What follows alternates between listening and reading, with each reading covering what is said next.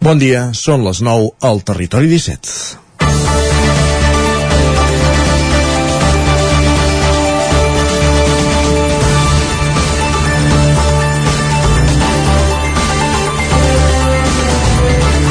La setmana passada feia dos anys d'aquell 23 de setembre en què de matinada la Guàrdia Civil va irrompre a casa d'una desena de persones acusades de terrorisme i en alguns casos de tinença i elaboració d'explosius. Van, ser tres van estar tres mesos en presó preventiva abans de sortir en llibertat sota fiança.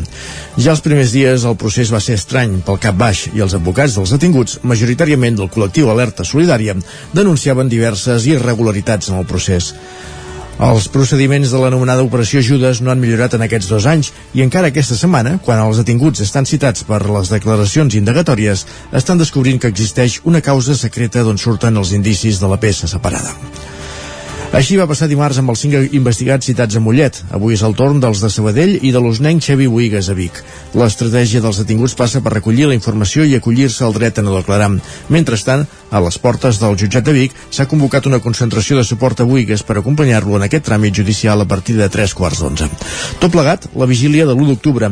Quatre anys després del referèndum poc que s'ha avançat en el procés independentista i els grups sobiranistes exposen les seves diferències al Parlament en un debat de política general en què la CUP ha demanat una nova data per a un nou referèndum, mentre que el govern fa equilibris per evitar concentrar concretar-la mentre i alhora resoldre necessitats a curt termini, com l'aprovació dels pressupostos del 2022. Comença el Territori 17 a la sintonia de la veu de Sant Joan, Ona Codinenca, Ràdio Cardedeu, Ràdio Vic, el 9 FM i el 9 TV. Territori 17, amb Isaac Moreno i Jordi Sunyer.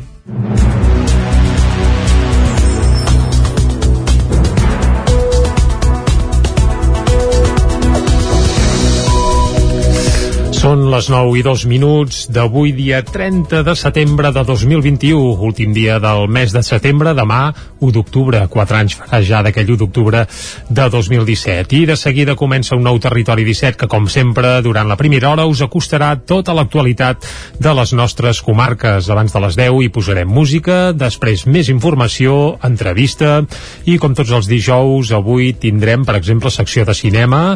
També acabarem amb la plaça, el nou espai de d'Economia Digital que vam estrenar la setmana passada aquí a Territori 17 i també ens visitarà en Jordi Soler per alegrar-nos interiorment amb la secció de PNL i Alegria Interior. Tot això i moltes coses més les farem des d'ara mateix i fins al punt de les 12 del migdia i com sempre el que toca per arrencar és fer un repàs a l'actualitat de casa nostra, l'actualitat de les comarques del Ripollès, Osona, el Moianès i el Vallès Oriental.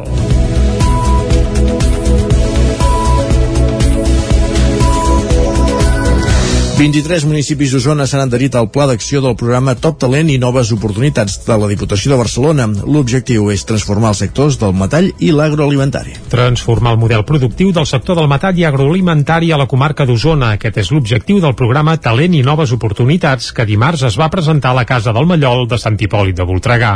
L'acte va comptar amb representants dels, dels 23 municipis d'Osona que hi prenen part.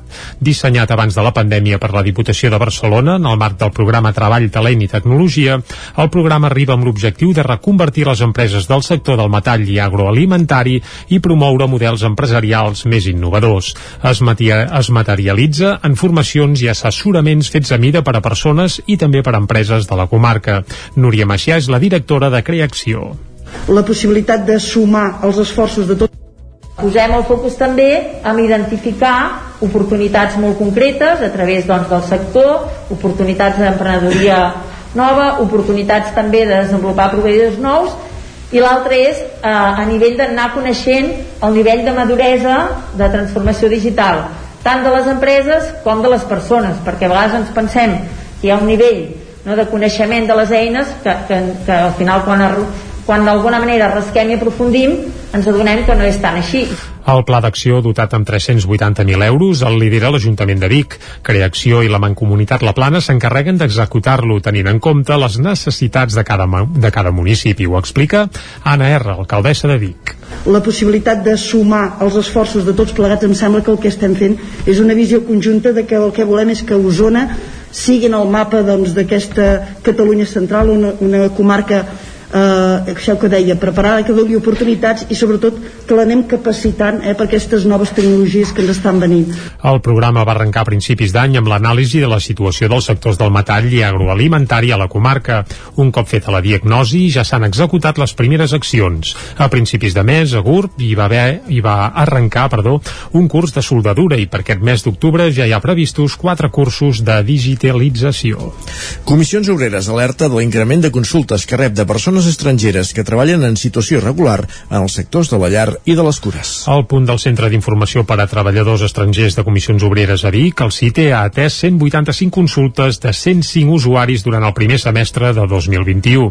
L'altre punt del CITE a Osona, el de Manlleu, ha rebut 153 consultes de 85 usuaris. Són dades que, segons el sindicat, confirmen l'increment d'utilització del servei, tendència que l'any passat s'havia aturat per la pandèmia.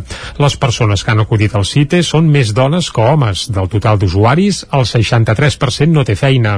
I dels que treballen a Vic, els que ho fan en situació irregular arriben al 64%.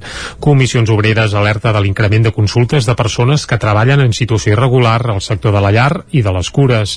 Estivaliz Pous és la secretària d'Acció Social de Comissions Obreres al Vallès Oriental, Maresme i Osona. Treballs que fa un any dèiem que eren eh, i que ho són eh, com a treballs essencials i això també és un punt de reflexió pues, a, a tota la societat no? de, de veure, de buscar quins sistemes doncs, hi han eh, com comentàvem, modificacions reglamentàries per eh, que aquestes persones puguin tenir tots els seus drets. La ratificació del conveni 189 de l'Organització Internacional del Treball hauria de ser una eina per garantir els drets de les treballadores de la llar. Comissions Obreres també reclama que es modifiqui la llei d'estrangeria i es canvin els requisits de regularització. Més de la meitat de les persones ateses al CITA de Vic i Manlleu no tenen autorització de residència. Estivaliz Pous. La demanda doncs, de que tinguin una ocupació durant un any eh, amb dedicació completa, temps complet amb la qual amb els nivells de temporalitat que tenim al mercat de treball doncs, es fa molt difícil per no dir impossible doncs, a vegades arribar a aquestes situacions de regularització. El Marroc i Colòmbia són els dos països d'origen més freqüents en les persones que han acudit al centre de treballadors estrangers. A Osona per darrere hi ha Geòrgia, Ghana o el Senegal. El Ripollès es prepara per viure l'1 d'octubre més reivindicatiu amb actes nacionals arreu de Catalunya. Isaac Muntades, des de la veu de Sant Joan. Catalunya es prepara per celebrar aquest divendres el quart aniversari de l'1 d'octubre i enguany hi ha actes programats arreu del Principat i també hi haurà accions al Ripollès. La membre del Secretariat Nacional de l'Assemblea Nacional Catalana en representació de la comarca, Carla Soler, va dir que l'entitat independentista volia ampliar la jornada reivindicativa de la diada de l'11 de setembre a l'UO. Enguany hi haurà actes nacionals aquest divendres i durant el cap de setmana per celebrar l'efemèride d'aquells dies tan importants anys de l'any 2017. L'1 d'octubre hi haurà un acte polític a Illa, a la Catalunya Nord, a les 5 de la tarda i a altres punts del país. A les 8 del vespre es farà un concert a Figueres amb Ginestà i Xavi Sarrià. El dia 2 hi haurà tres marxes arreu del país que sortiran de la parada de l'Àngel a Fraga fins a Lleida, de Sant Julià de Ramis a Aigua Viva i de Vinaròs a la Ràpita, a més d'una conferència antirepressiva que es farà a la Universitat de Girona. El dia 3, coincidint amb l'aturada de País del 2017, es farà una manifestació a Barcelona a la plaça dels 5 d'Oros a les 12 del migdia. Al Ripollès, la celebració no comptarà amb actes multitudinaris. No hi haurà actes pròpiament dit al Ripollès, tot i que sí que les assemblees segueixen treballant i han fet coses al voltant de l'1 d'octubre. Per exemple, l'assemblea de Can Davano el diumenge va fer un documental sobre la detenció dels CDRs i justament també hem convocat aquest dijous 30 a les 10.45 un acompanyament al jutjat de Vic perquè un dels CDRs ha de declarar aquell dia i llavors doncs també segurament hi haurà parada el dissabte a Ripoll i a la Vall de Camprodon per exemple també es canviaran, es posaran pancartes noves més reivindicatives de l'1 d'octubre. Per tant, tot i que els actes són nacionals, doncs sempre, sempre anem fent coses pel Ripollès perquè també ens pugui arribar tota la reivindicació i tota la informació. La detenció de Puigdemont dijous passat a Sardenya durant poc més d'un dia, segons Soler, és una finestra d'oportunitat per avançar cap a la independència. La membre de l'ANC volia fer palès el desgast que està patint l'estat espanyol amb accions com aquestes. Ens ensenya el desgast exterior que està tenint l'estat espanyol, el descrèdit que té la seva justícia i els favors que l'estat espanyol ha d'anar demanant als altres països. De fet, el que es destaca de la detenció és una mica la vergonya que passava a Itàlia o passaven els jutges o els policies sabent de fer aquesta detenció, no? que gairebé expliquen que, que es disculpaven i que el Puigdemont és el que el president Puigdemont és el que havia de dir no, no, feu la vostra feina, feu la vostra feina. Sobre la taula de diàleg, Soler va considerar que sempre és bo i positiu el diàleg, però que s'ha de ser conscient que és gairebé impossible aconseguir alguna cosa de l'estat espanyol. Això no vol dir que ens sembli malament que es faci, sinó que el que creiem és que aquesta taula de diàleg ha de tenir una data final que tal com vam negociar amb les negociacions de govern és de dos anys i ja n'ha passat mig, per tant estem a favor que hi hagi una, una data final i alhora també creiem que no ho podem basar tot en el diàleg, és a dir, ens sembla bé que hi hagi la taula de diàleg mentre es treballi per la independència unilateral, que és la més factible i la més habitual i la que ha fet servir tots els estats. Per això, la membre de l'Assemblea creu que cal preparar-se per un enfrontament amb l'Estat que passi per la lluita no violenta amb estratègies com les eines de país i la sobirania fiscal. Buiden sense cap mena de permís el pantà de Masgrau, conegut com el pantà de Taradell. Aquests dies està sota mínims i el motiu no acaba d'estar clar. En les darreres setmanes, la imatge del pantà de Masgrau de Taradell és impactant. Habitualment està gairebé ple i aquests dies està sota mínims. El motiu, però, no està clar. La presa és propietat del Departament d'Acció Climàtica, Alimentació i Agenda Rural de la Generalitat i l'embassament és de l'Agència Catalana de l'Aigua. Cap d'aquestes dues institucions, però, consultades per l'Ajuntament de Taradell, hi està fent actuacions. Des del consistori taradellenc mostren la seva preocupació i apunten que algú es dedica a buidar el pantà sense permís. Segons la versió de l'Ajuntament, algú es dedica a obrir el sortidor al 100% perquè surti el màxim de cabal, quan normalment les vàlvules estan obertes només al 10%, i això, sense el consentiment de l'ACA, no es pot fer. El pantà de Masgrau o de Taradell es va construir l'any 1980. Segons el conveni amb Icona, actual Departament d'Acció Climàtica, Alimentació i Agenda Rural, la presa es va fer per evitar inundacions, però alhora també havia de resoldre el problema de l'aigua a Taradell. Té una fundària des del peu fins a la presa d'uns 9 metres, més de 300 metres de llargada i uns 40 d'amplada. El pantà es va construir en uns terrenys molt a prop de la finca de Masgrau, cedits per aquest mateix propietari, que des de fa uns mesos reclama la titularitat de l'embassament, que continua, però, sent de l'ACA i de la Generalitat. I ara una d'aquelles notícies que ens agrada explicar i que hem de felicitar els seus protagonistes, els nostres companys de Ràdio i Televisió de Cardedeu, que han recollit el doble premi a la gala dels Premis de Comunicació Local ahir al Mercat Audiovisual de Catalunya que es feia a Granollers. Operació Paqui, el talent show de la cadena, s'han dut el premi a millor contingut audiovisual en vídeo. Núria Lázaro, des de Ràdio i Televisió de Cardedeu, bon dia i felicitats abans que res.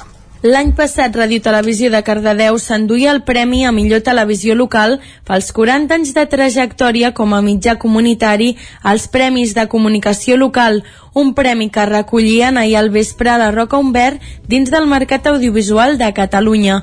En els premis d'aquest 2021, la televisió local pionera de l'estat espanyol ha recollit el premi a millor contingut audiovisual en format vídeo per Objectiu Paqui, el talent show que s'ha fet des de Radio Televisió de Cardedeu amb el casal de joves La Paqui. Maria López, directora de Radio Televisió Cardedeu. Som una televisió comunitària, eh, com a televisió comunitària contem amb un, el 99% de la gent que està allà darrere empenyent el barco i remant, d'alguna manera són voluntaris, gent molt jove, a més a més, la majoria estudiants d'audiovisual, però crec que amb el temps s'ha convertit en una mica de, com un taller de, de crear nous formats, un taller de provar coses, un taller experimental, on una mica ens podem atrevir a tot, no? perquè això és el que ens dona aquest espai quasi de, de taller, com deia.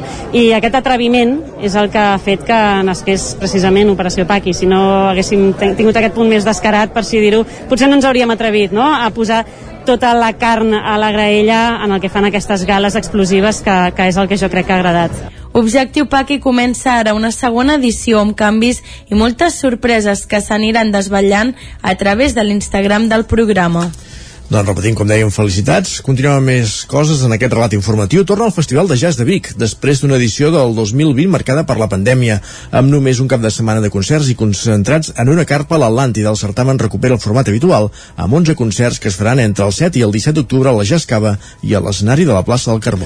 Jordi Sabatés, Lucía Fumero, els noruecs Atòmic o els islandesos ADHD són alguns dels atractius de la 23a edició del Festival de Jazz de Vic, que es va presentar dimarts al migdia a la Jazz Cava, una l'espai, que per cert tornarà a acollir la majoria de concerts després que l'any passat, a causa de la Covid, el festival s'acabés fent en una carpa i en un format reduït de només 3 dies.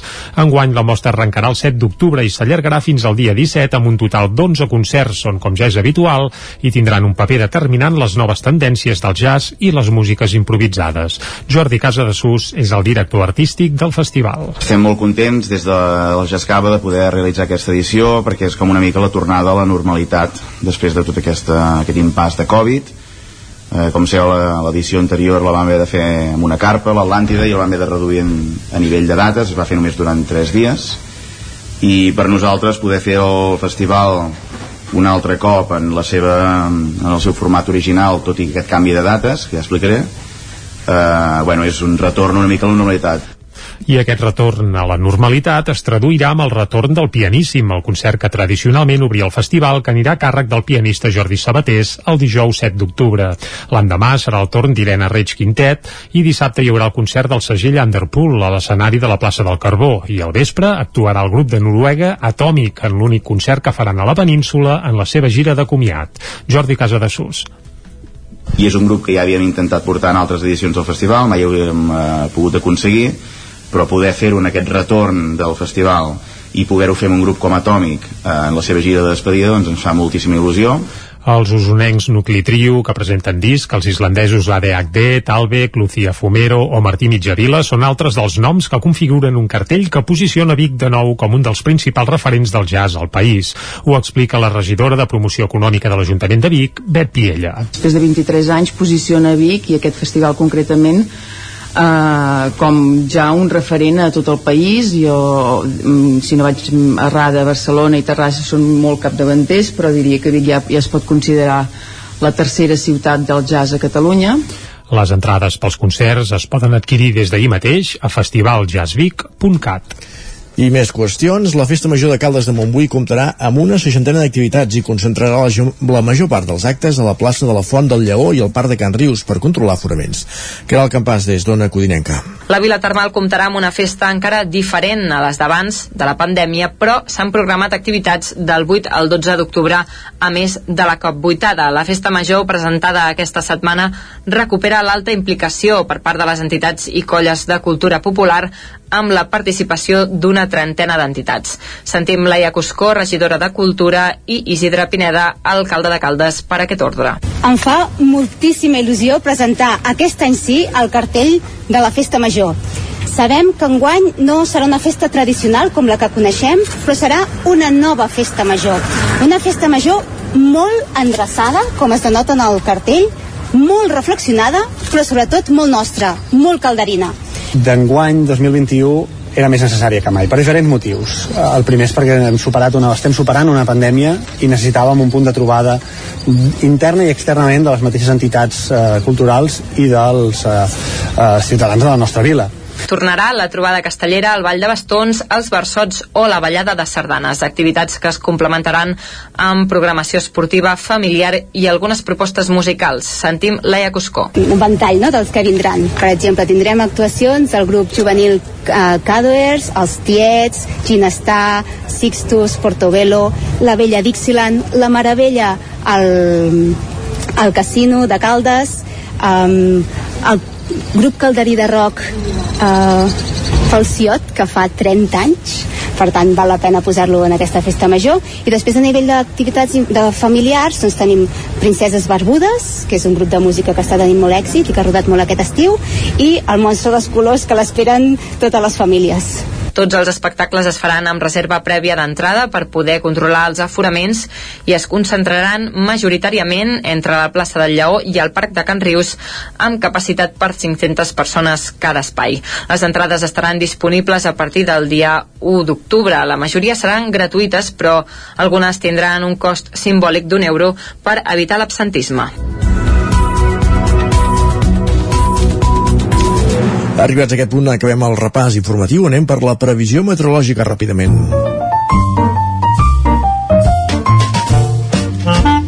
Casa Terradellos us ofereix el temps. Una previsió que ens acosta en Pep Acosta, que de nou està decebut, eh? Ahir tampoc la va acabar de clavar, i a més en Pep Acosta és del Barça. Uh, Pep, molt bon dia. Hola, molt bon dia. Bon dia, bon dia. Què tal esteu? Ja estem aquí, a l'espai del temps. Eh, Una salutació per tots. Gràcies. Per tots els oients, per tota la gent que fa possible aquest programa. Espero que tots estigueu molt i molt bé en aquest dijous important. Eh, important perquè és l'últim dia del mes de setembre. Important perquè estem a les portes d'un cap de setmana, el primer d'octubre i, i bueno, ja se m'acaben les uh, perquè és, ja se m'acaben les raons de perquè és més important però bueno, segur que per molta gent ho és per moltes més coses. I uh, el temps i jo uh, una nova decepció una decepció. Ja, ja. Uh, ahir em pensava que plouria una Tres, mica eh? més. Uh, que, que hi havia pluges més extenses però bueno, eh, estem jo no, no, ja no entre la pluja que no fa fred entre el Barça estem estem, sí. estem estem decebuts, Decebuts. Estic, estic, estic més, més que estem estic molt decebut uh, ahir va ploure una mica però molt poca cosa Què hi farem, noi? 3-4 litres en alguna zona del Pirineu però bueno, cap a Osona, Moianès que vaig dir jo que plouria eh, vam fer quatre gotes si és que van arribar a caure. Per tant, malament malament, no, no, no, no, no acabem de, de superar aquesta enorme sequera que tenim. No, no acabem de de, no acabem de quallar les precipitacions. No, no hi ha manera, eh? no hi ha manera. I veurem veurem què acaba passant els pròxims dies però estic ja molt decepcionat molt decepcionat Avui ens llevem temperatures eh, que van baixant, clar, és que va avançant els dies, va avançant la tardor, les mínimes per, tot, per sota els 5 graus a les zones més, més altes del Pirineu, entre els 5 i els 10 a moltes, a moltes poblacions ja, i només per sobre els 15 graus en els jocs més càlids al prelitoral. Però no fa fred, eh? no fa ni molt menys. I veurem si aquesta entrada petita vent de nord fa que vagin baixant les temperatures, però de moment no, no, no, no es veu per enlloc cap fredurant ni molt menys i de poc eh, cap, cap grans precipitacions, perquè avui ens llevem amb una mica de núvols, poca cosa, eh, hi ha una tempesta a prop de la costa, però estem, està lluny de les comarques i no, no, no, no, no ens arribarà, no ens afectarà, i per tant continuem aquesta dinàmica aquesta mateixa dinàmica eh, amb una mica de vent de nord que fa baixar una mica la temperatura però bueno mm, no, no hi ha grans canvis. De cara a la tarda eh, creixerà una nuvolada poder cap al Pirineu eh, cap a transversal també però en principi sense cap precipitació.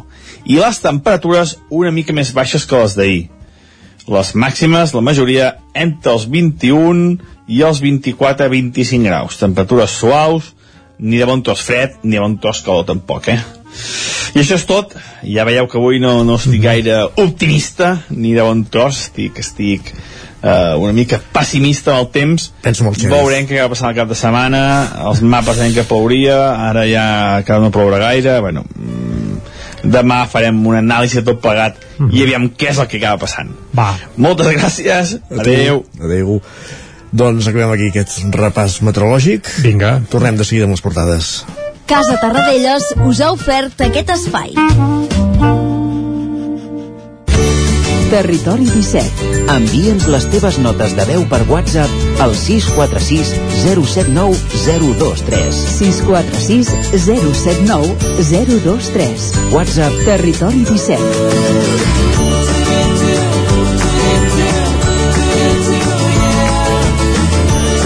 Territori 17. Som a Facebook, Twitter i Instagram amb l'usuari Territori 17.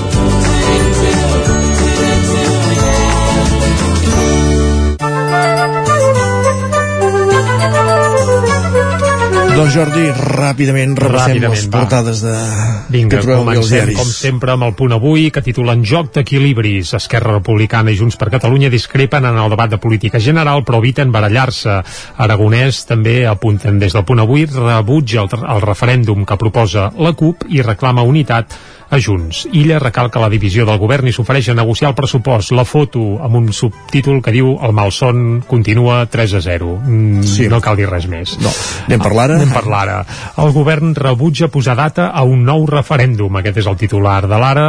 Esquerra i Junts per Cat es desmarquen de la proposta de la CUP que allunya el seu suport als pressupostos i la foto no és pel Barça, tot i que també hi ha un raconet eh, on sentencien pràcticament a Ronald Koeman la foto és, per cert, pel volcà de La Palma, que diu la lava forma una muntanya de 50 metres al mar. És a dir, que qui tingui algun mapa de les Canàries l'haurà de llançar, perquè d'aquí quatre dies això serà diferent, pel que es veu. Anem a l'avantguàrdia. Va, l'electricitat impulsa la inflació fins a la taxa més alta des del 2008. Això titulen a l'avantguàrdia. La foto també és pel volcà de La Palma i diuen el mar redueix la fúria del riu de lava. També titulen amb un raconet que Aragonès descarta posar data a un referèndum. Anem ara cap al periòdico que titulen Els preus es desboquen. Llum, gas i matèries primeres compliquen la remuntada després de la crisi de la Covid. La foto és eh, per un ansofati amb el capcot i un text que diu vergonya europea. Anem cap a Madrid, si et sembla. Sí, ràpidament, és que només buscava un, un titular d'una portada que, que, havia, que tenia entesa i no, no és tal. Els de l'esport havien fet, entenc que era el digital, un joc de paraules amb el nom de l'estadi i deien, a Koeman li sortirà cara la factura de la luz. Uh, uh, que bonic, molt bé. Bé, la, la, les portades de la premsa esportiva ja no les he ni mirat. Anem a la generalista que s'edita des de Madrid. El País uh, obren amb el volcà i diuen que la lava del volcà de la Palma guanya al mar fins a 10 hectàrees, amb una foto que també és espectacular, com totes les que ens arriben aquests dies des de, des de les Canàries. Uh, més titulars. Uh, la Razón, la Moncloa filtra sondejos de valoració d'Ayuso i Feijó contra Casado. Això, evidentment, segons la raó, eh? Sempre cal uh, tenir sí, clar que sí, els sí. seus titulars de vegades poden ser confusos. Com si no, com si no haguessin punyals dins del PP. Sí, exacte, exacte. I també una altra foto, un delta de lava a dins del mar. Anem cap al Mundo. Un IPC desbocat castiga les famílies i desborda el govern i està bé perquè en comptes de posar-hi una foto hi posen uns dibuixets, això el Mundo no ho havia fet pràcticament mai i aquí sí. I mira, aviam si segueixen aquesta tendència potser ens divertirem més llegint les seves portades. I acabem amb l'ABC que ras i curt, eh? el Pollo Carvajal, així sense ni cometes ni res, eh, indica el govern de Zapatero, senyala, diuen ells, el govern de Zapatero declara el jutge que decidirà sobre la seva extradició als Estats Units, diverses irregularitats en contractes de la cúpula xavista a l'etapa de Moratinos com a ministre d'Exteriors, amb una foto que sembla que estigui cantant, però no seria ben bé el cas. Doncs va, arribem, va. que falten 3 minuts per dos quarts de 10 10 tornarem a aquesta hora amb més notícies aquí al Territori 17. Fins ara mateix. El nou FM, la ràdio de casa, al 92.8. Rètols 2A. Experts en comunicació visual Rètols, banderoles, vinils, impressió, plaques gravades, senyalització, display... Rètols Dos Art. Ja són 25 anys al vostre servei. Ens trobareu a la carretera de Vic a Olot, número 7, al polígon Malloles de Vic. dosartvic.com Telèfon 93 889 2588. Els idiomes són la teva assignatura pendent? Matricula't anglès o francès a l'EO i Osona, l'Escola Pública d'Idiomes a Vic. Per més informació, consulta la web eoiosona.cat i trobaràs l'oferta de cursos i horaris, així com les bonificacions i exempcions de matrícula. També ens pots trucar al 93 889 3830 a partir de l'1 de setembre. Mudances a la carta. Som especialistes en muntatge i desmuntatge de mobles. Oferim servei de guardamobles i fem mudances a tot el territori. Trasllats de pianos i peces delicades i també fem embalatge i protegim. Mudances a la carta. Serveis adaptats a cada client. Ens trobaràs al telèfon 605 04 34 75. Això és el que s'escolta al voltant d'una caldera saunia d'Oval tranquil·litat i benestar, perquè gaudeix del millor manteniment del servei tècnic oficial per estar despreocupat. O el que vulgui. Informis a Oficiat Nord trucant al 938860040. Saunier Duval, sempre al seu costat. Cobertes serveis funeraris Els nostres tanatoris estan ubicats en els nuclis urbans més poblats de la comarca d'Osona per oferir un millor servei. Tanatori de Vic, Tanatori de Manlleu, Tanatori de Centelles i Tanatori de Roda de Ter. Sabem que són moments difícils i per això el nostre compromís és atendre-us en tot moment amb un tracte humà, sensible i respectuós. Cobertes serveis funeraris. Telèfon 24 hores 93 883 23 46. Cocodril Club. Si t'agrada la bona música dels anys 60, 70 i 80, escolta el 9 FM als matins de dissabtes i diumenges d'11 a 1. És el temps del Cocodril Club, tot un clàssic de la ràdio, amb les bases del pop-rock, les llegendes, les cançons que s'han convertit en autèntics himnes. Recorda, dissabtes i diumenges al matí, d'11 a 1, al 9 FM 92.8. Cocodril Club, el programa revival de l'Albert Malla. Hasta luego, cocodrilo.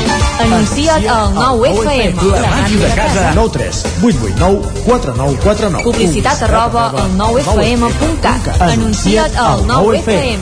La publicitat més eficaç. El 9 FM, el 9 FM, el 9 FM, el 9 FM. Són dos quarts de deu. Territori 17, amb Isaac Moreno i Jordi Sunyer.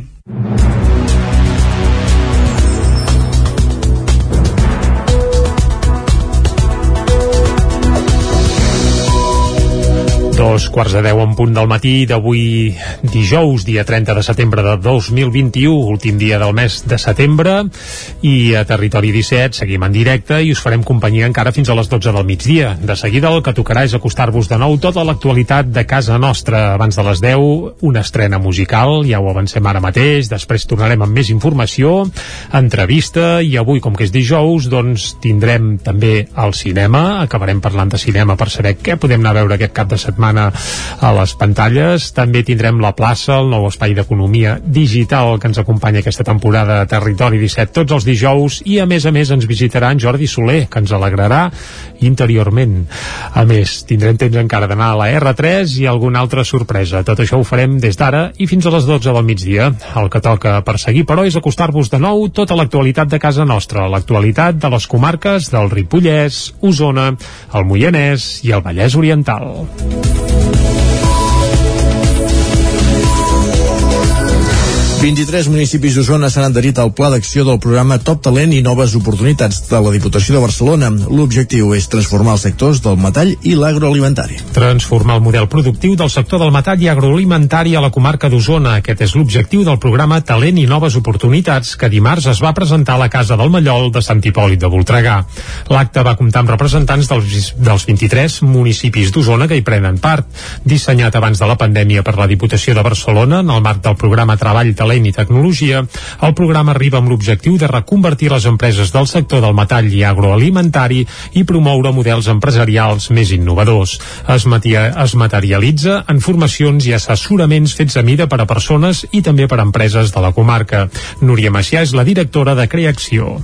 La possibilitat de sumar els esforços de tot Posem el focus també en identificar oportunitats molt concretes a través doncs, del sector, oportunitats d'emprenedoria nova, oportunitats també de desenvolupar proveïdors nous i l'altre és eh, a nivell d'anar coneixent el nivell de maduresa de transformació digital tant de les empreses com de les persones perquè a vegades ens pensem que hi ha un nivell no, de coneixement de les eines que, que, que al final quan, quan d'alguna manera rasquem i aprofundim ens adonem que no és tan així.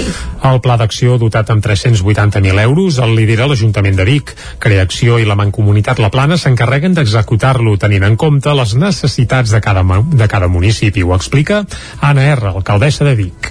La possibilitat de sumar els esforços de tots plegats em sembla que el que estem fent és una visió conjunta de que el que volem és que Osona sigui en el mapa d'aquesta doncs, Catalunya central, una, una comarca eh, això que deia, preparada que doni oportunitats i sobretot que l'anem capacitant eh, per aquestes noves tecnologies que ens estan venint.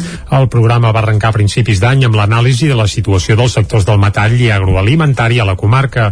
Un cop feta la diagnosi ja s'han executat les primeres accions. A principis de mes, a GURB hi va, haver, hi va arrencar perdó, un curs de soldadura i per aquest mes d'octubre ja hi ha previstos quatre cursos de digitalització.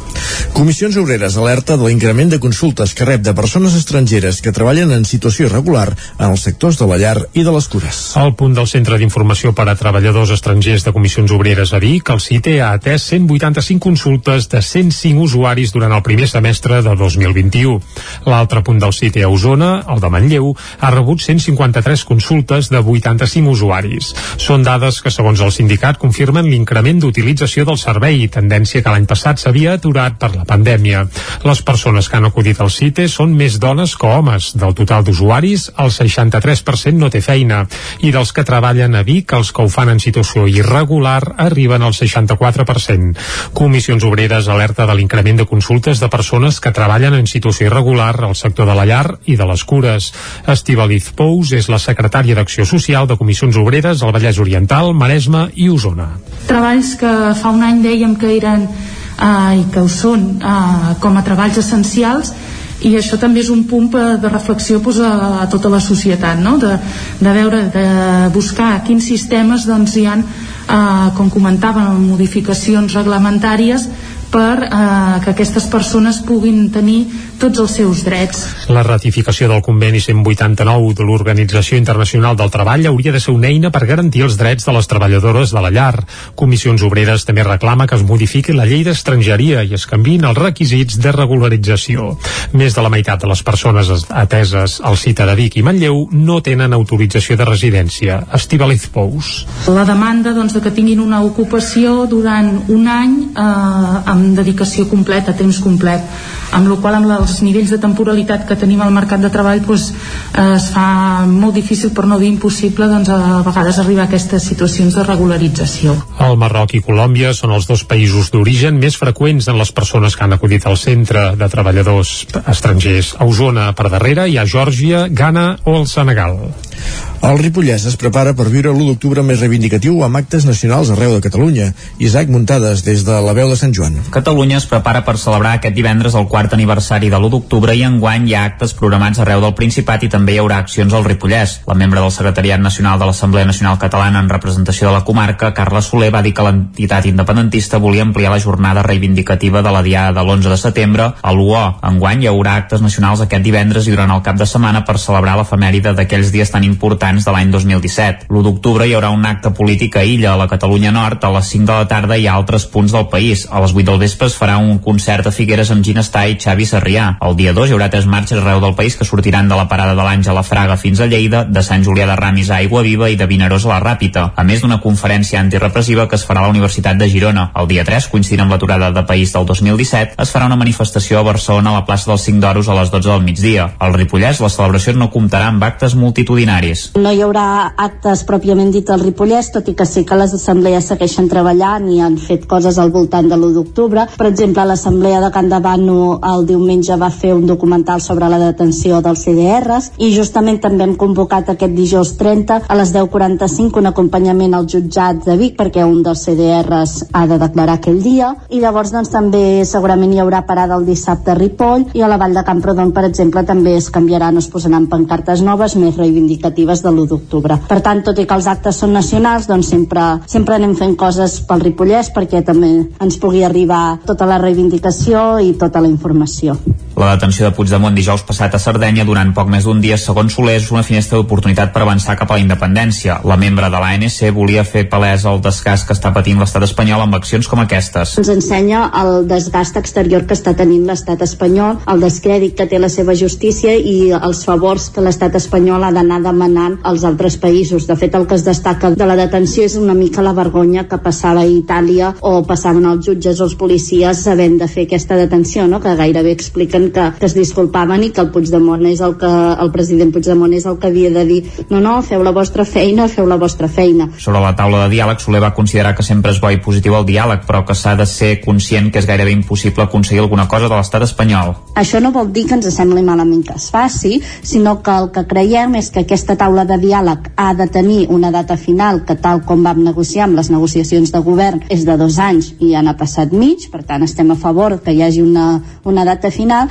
i alhora també creiem que no ho podem basar tot en el diàleg, és a dir, ens sembla bé que hi hagi la taula de diàleg mentre es treballi per la independència unilateral, que és la més factible i la més habitual i la que ha fet servir tots els estats. Per això, la membre de l'Assemblea creu que cal preparar-se per un enfrontament amb l'Estat que passi per la lluita no violenta amb estratègies com les eines de país i la sobirania fiscal. Buiden sense cap mena de permís el pantà de Masgrau, conegut com el pantà de Taradell. Aquests dies està sota mínims i el motiu no acaba d'estar clar. En les darreres setmanes, la imatge del pantà de Masgrau de Taradell és impactant. Habitualment està gairebé ple i aquests dies està sota mínims. El motiu, però, no està clar. La presa és propietat del Departament d'Acció Climàtica, Alimentació i Agenda Rural de la Generalitat i l'embassament és de l'Agència Catalana de l'Aigua. Cap d'aquestes dues institucions, però, consultades per l'Ajuntament de Taradell, hi està fent actuacions. Des del consistori taradellenc mostren la seva preocupació i apunten que algú es dedica a buidar el pantà sense permís. Segons la versió de l'Ajuntament, algú es dedica a obrir el sortidor al 100% perquè surti al màxim de cabal, quan normalment les vàlvules estan obertes només al 10%, i això, sense el consentiment de l'ACA, no es pot fer.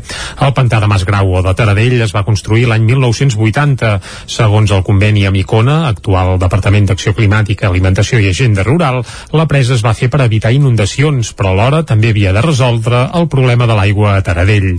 Té una fundària des del peu fins a la presa d'uns 9 metres, més de 300 metres de llargada i uns 40 d'amplada. El pantà es va construir en uns terrenys molt a prop de la finca de Masgrau, cedits per aquest mateix propietari, que des de fa uns mesos reclama la titularitat de l'embassament, que continua, però, sent de l'ACA i de la Generalitat. I ara una d'aquelles notícies que ens agrada explicar i que hem de felicitar els seus protagonistes, els nostres companys de Ràdio i Televisió de Cardedeu, que han recollit el doble premi a la gala dels Premis de Comunicació Local ahir al Mercat Audiovisual de Catalunya que es feia a Granollers. Operació Paqui, el talent show de la cadena, s'han dut el premi a millor contingut audiovisual en vídeo. Núria Lázaro, des de Ràdio i Televisió de Cardedeu, bon dia i felicitats abans que res. L'any passat, Ràdio Televisió de Cardedeu s'enduia el premi a millor televisió local pels 40 anys de trajectòria com a mitjà comunitari als Premis de Comunicació Local, un premi que recollien ahir al vespre a la Roca Humbert dins del Mercat Audiovisual de Catalunya. En els premis d'aquest 2021, la televisió local pionera de l'estat espanyol ha recollit el premi a millor contingut audiovisual en format vídeo per objectiu Paqui, el talent show que s'ha fet des de Radio Televisió de Cardedeu amb el casal de joves La Paqui. Maria López, directora de Radio Televisió Cardedeu. Som una televisió comunitària, eh, com a televisió comunitària contem amb un, el 99% de la gent que està allà darrere empenyent el barco i remant, d'alguna manera són voluntaris, gent molt jove, a més a més, la majoria estudiants d'audiovisual, però crec que amb el temps s'ha convertit en una mica de, com un taller de, de crear nous formats, un taller de provar coses, un taller experimental, on una mica ens podem atrevir a tot, no? Perquè això és el que ens dona aquest espai quasi de, de taller, com deia. I aquest atreviment és el que ha fet que nasqués precisament Operació Paqui. Si no haguéssim tingut aquest punt més descarat, per si dir-ho, potser no ens hauríem atrevit no? a posar tota la carn a la graella en el que fan aquestes gales explosives, que, que és el que jo crec que ha agradat. Objectiu Paqui comença ara una segona edició amb canvis i moltes sorpreses que s'aniran desvetllant a través de l'Instagram del programa. Doncs repetim, com dèiem, felicitats. Continuem amb més coses en aquest relat informatiu. Torna al Festival de Jazz de Vic, després d'una edició del 2020 marcada per la pandèmia, amb només un cap de setmana de concerts i concentrats en una carpa a l'Atlàntida. El certamen recupera el format habitual, amb 11 concerts que es faran entre el 7 i el 17 d'octubre a la Jazz Cava i a l'escenari de la plaça del Carbó. Jordi Sabatés, Lucía Fumero, els noruecs Atòmic o els islandesos ADHD són alguns dels atractius de la 23a edició del Festival de Jazz de Vic, que es va presentar dimarts al migdia a la Jazz Cava, un espai que, per cert, tornarà a acollir la majoria de concerts després que l'any passat, a causa de la Covid, el festival s'acabés fent en una carpa i en un format reduït de només 3 dies. Enguany, la mostra arrencarà el 7 d'octubre i s'allargarà fins al dia 17 amb un total d'11 concerts, on, com ja és habitual, hi tindran un paper determinant les noves tendències del jazz i les músiques improvisades. Jordi Casadesús és el director artístic del festival. Estem molt contents des de la Jascava de poder realitzar aquesta edició perquè és com una mica la tornada a la normalitat després de tot aquesta, aquest impàs de Covid. Eh, com la- l'edició anterior la vam haver de fer amb una carpa l'Atlàntida i la vam haver de reduir en, a nivell de dates es va fer només durant 3 dies. I per nosaltres poder fer el festival un altre cop en, la seva, en el seu format original tot i aquest canvi de dates que ja explicaré eh, bueno, és un retorn una mica a la normalitat I aquest retorn a la normalitat es traduirà amb el retorn del Pianíssim, el concert que tradicionalment obria el festival que anirà a càrrec del pianista Jordi Sabatés el dijous 7 d'octubre. L'endemà serà el torn d'Helena Reig Quintet i dissabte hi haurà el concert del segell Underpool a l'escenari de la plaça del Carbó i al vespre actuarà el grup de Noruega Atòmic en l'únic concert que faran a la península en la seva gira de comiat. Jordi Casadesús i és un grup que ja havíem intentat portar en altres edicions del festival, mai ho havíem eh, pogut aconseguir però poder fer-ho en aquest retorn del festival i poder-ho fer amb un grup com Atòmic eh, en la seva gira de despedida doncs ens fa moltíssima il·lusió els usonencs Nucli Trio, que presenten disc, els islandesos ADHD, Talbec, Lucía Fumero o Martí Mitjavila són altres dels noms que configuren un cartell que posiciona Vic de nou com un dels principals referents del jazz al país. Ho explica la regidora de Promoció Econòmica de l'Ajuntament de Vic, Bet Piella. Després de 23 anys posiciona Vic i aquest festival concretament eh, com ja un referent a tot el país jo, mm, si no vaig errada Barcelona i Terrassa són molt capdavanters però diria que Vic ja, ja es pot considerar la tercera ciutat del jazz a Catalunya les entrades pels concerts es poden adquirir des d'ahir mateix a festivaljazzvic.cat. I més qüestions, la Festa Major de Caldes de Montbui comptarà amb una seixantena d'activitats i concentrarà la, la major part dels actes a la plaça de la Font del Lleó i al Parc de Can Rius per controlar foraments. Que el campàs des d'Ona Codinenca. La Vila Termal comptarà amb una festa encara diferent a les d'abans de la pandèmia, però s'han programat activitats del 8 al 12 d'octubre, a més de la COP 8 La Festa Major, presentada aquesta setmana, recupera l'alta implicació per part de les entitats i colles de cultura popular amb la participació d'una trentena d'entitats. Sentim Laia Cuscó, regidora de Cultura, i Isidre Pineda, alcalde de Caldes, per aquest ordre. Em fa moltíssima il·lusió presentar aquest any sí el cartell de la Festa Major. Sabem que enguany no serà una festa tradicional com la que coneixem, però serà una nova festa major. Una festa major molt endreçada, com es denota en el cartell, molt reflexionada, però sobretot molt nostra, molt calderina.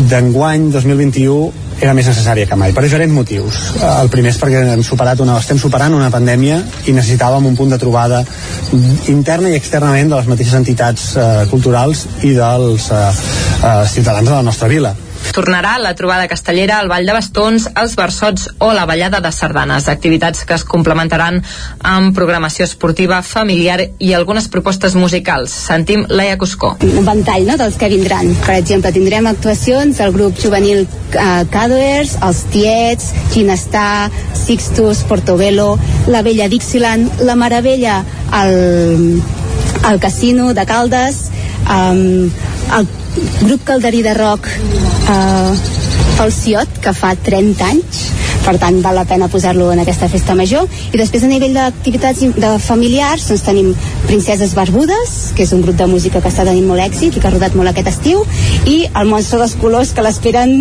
totes les famílies tots els espectacles es faran amb reserva prèvia d'entrada per poder controlar els aforaments i es concentraran majoritàriament entre la plaça del Lleó i el Parc de Can Rius amb capacitat per 500 persones cada espai. Les entrades estaran disponibles a partir del dia 1 d'octubre. La majoria seran gratuïtes, però algunes tindran un cost simbòlic d'un euro per evitar l'absentisme. Arribats a aquest punt acabem el repàs informatiu, anem per la previsió meteorològica ràpidament. Casa Terradellos us ofereix el temps. Una previsió que ens acosta en Pep Acosta, que de nou està decebut, eh? Ahir tampoc la va acabar de clavar, i a més en Pep Acosta és del Barça. Uh, Pep, molt bon dia. Hola, molt bon dia. Bon dia, bon dia. Què tal esteu? Ja estem aquí, a l'espai del temps. Eh, Una salutació per tots. Gràcies. Per tots els oients, per tota la gent que fa possible aquest programa. Espero que tots estigueu molt i molt bé en aquest dijous important. Eh, important perquè és l'últim dia del mes de setembre. Important perquè estem a les portes d'un cap de setmana, el primer d'octubre i, i bueno, ja se m'acaben les uh, perquè és, ja se m'acaben les raons perquè és més important però bueno, segur que per molta gent ho és per moltes més coses i uh, el temps i jo uh, una nova decepció una decepció. Ja, ja. Uh, ahir em pensava que plouria una Tres mica més. Uh, que, que hi havia pluges més extenses. Però bueno, eh, estem jo no, no, ja no entre la pluja, que no fa fred entre el Barça estem estem, sí. estem estem decebuts, decebuts. Estic, estic, estic més, més que estem estic molt decebut uh, ahir va ploure una mica però molt poca cosa. Què hi farem noi? 3-4 litres en una zona del Pirineu. Però bueno, cap a Osona, Moianès que vaig dir jo que plouria vam fer quatre gotes si és que van arribar a caure. Per tant malament, malament. No, no, no, no, no acabem de, de superar aquesta enorme sequera que tenim. No, no acabem de de, no acaben de quallar les precipitacions. Uh, no hi ha manera, eh? no hi ha manera i veurem veurem què acaba passant els pròxims dies però estic ja molt decepcionat molt decepcionat avui ens llevem temperatures eh, que van baixant clar, és que va avançant els dies va avançant la tardor les mínimes per, tot, per sota els 5 graus a les zones més, més altes del Pirineu entre els 5 i els 10 a moltes, a moltes poblacions ja i només per sobre els 15 graus en els jocs més càlids al prelitoral però no fa fred, eh? no fa ni molt menys i veurem si aquesta entrada petita vent de nord fa que vagin baixant les temperatures però moment no, no, no, no es veu per enlloc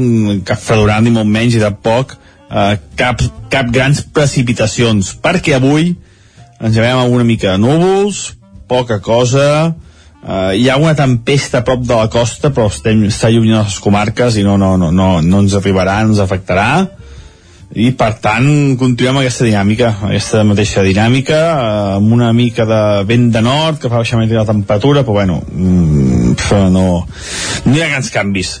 De cara a la tarda eh, creixerà una nuvolada poder cap al Pirineu eh, cap al transversal també però en principi sense cap precipitació. I les temperatures una mica més baixes que les d'ahir. Les màximes, la majoria entre els 21 i els 24 a 25 graus. Temperatures suaus, ni de bon tos fred, ni de bon tos calor tampoc, eh? I això és tot. Ja veieu que avui no, no estic gaire optimista, ni de bon tros, estic, estic uh, una mica pessimista amb el temps. Penso molt Veurem què va passar el cap de setmana, els mapes en què plouria, ara ja encara no plourà gaire, bueno, mm, demà farem un anàlisi de tot plegat mm. i aviam què és el que acaba passant. Va. Moltes gràcies, adeu. Adeu. Doncs acabem aquí aquest repàs meteorològic. Vinga. Tornem de seguida amb les portades. Casa Tarradellas us ha ofert aquest espai. Territori 17. Envia'ns les teves notes de veu per WhatsApp al 646 079 023. 646 079 023. WhatsApp Territori 17.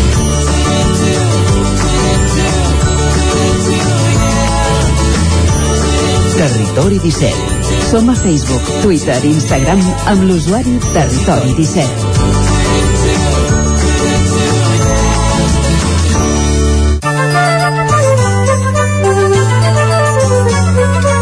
Doncs Jordi, ràpidament repassem les va. portades de... Vinga, comencem diaris. com sempre amb el punt avui que titulen Joc d'equilibris. Esquerra Republicana i Junts per Catalunya discrepen en el debat de política general però eviten barallar-se.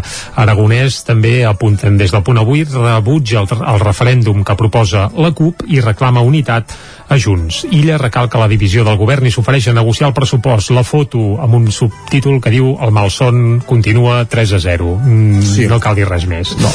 Anem per l'ara? Anem per l'ara. El govern rebutja posar data a un nou referèndum. Aquest és el titular de l'ara.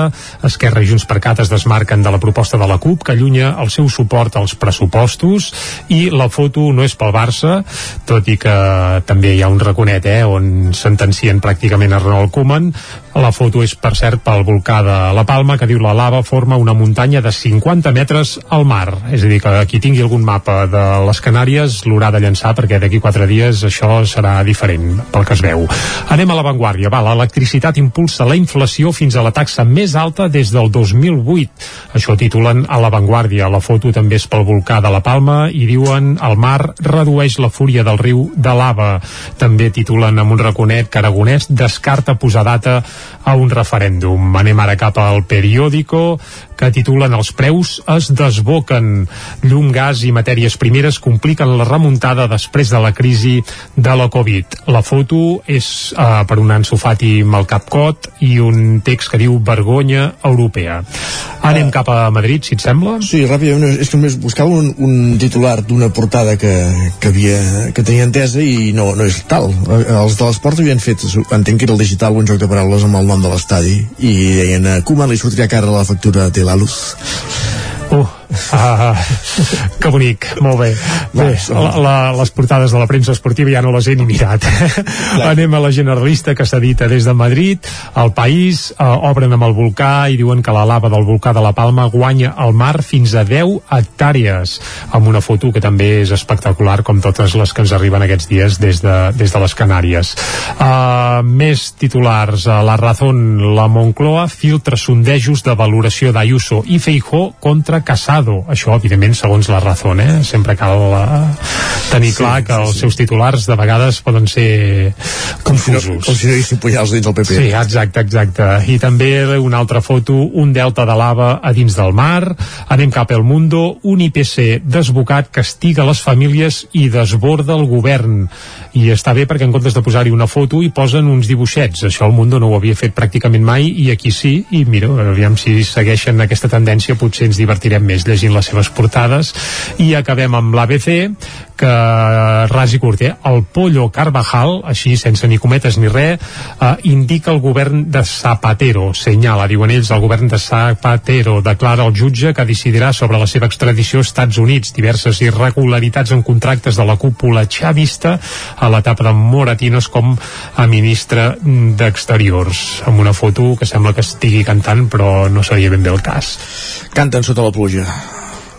exacte, ja tens tota, tota la raó. I parlant de cantar, uh, no exacte. parlarem de, de les cantades que vam veure ahir a Portugal. Uh, per cert, uh, deixem fer un petit ja, incís futbolístic, eh? Clar, i ens en fotíem d'un equip que, que bé, que, que però, va perdre contra el Sheriff i déu nhi sí, però, uh, però, però, però, però, però també tingues en compte que no, no, no és el mateix la, la situació, el Benfica que el Sheriff amb la situació del Barça, amb, la, amb la situació del Barça actual tot pot ser possible perdre contra el Sheriff ja és una altra història bé, bé, bé, bé això seria carn de tertúlia esportiva que ara, ara aparcarem perquè ens volem dedicar una mica a la música eh?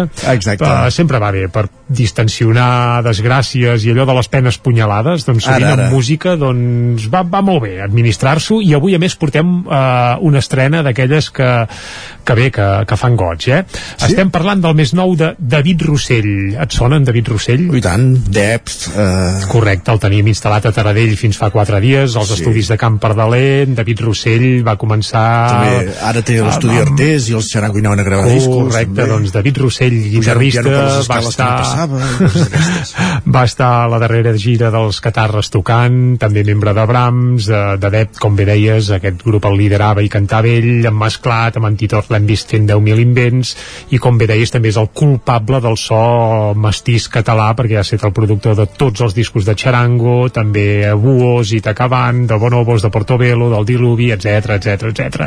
Doncs ara el David Rossell s'estrena en solitari. Ha tret un disc que, per cert, surt eh, demà mateix, el disc es titula Flor Blanca, i dius, ostres, però ja tenia Depp, no?, la seva banda. Sí, sí, però és que aquí s'ho fa tot ell. Canta, ho toca tot, ho fa tot, i, a més a més, s'ha batejat amb el seu nom, sense grups al darrere, ni res. David Rossell i el que escoltarem ara fins a arribar al punt de les 10 és el primer single, el que serà el primer single del seu nou disc, que també es titula Flor Blanca, com el disc. Uh, això, doncs. Uh, quedem amb el David, sí? Doncs va. Doncs vinga, amb el David arribarem fins al punt de les 10, aquí a Territori 17. Territori 17.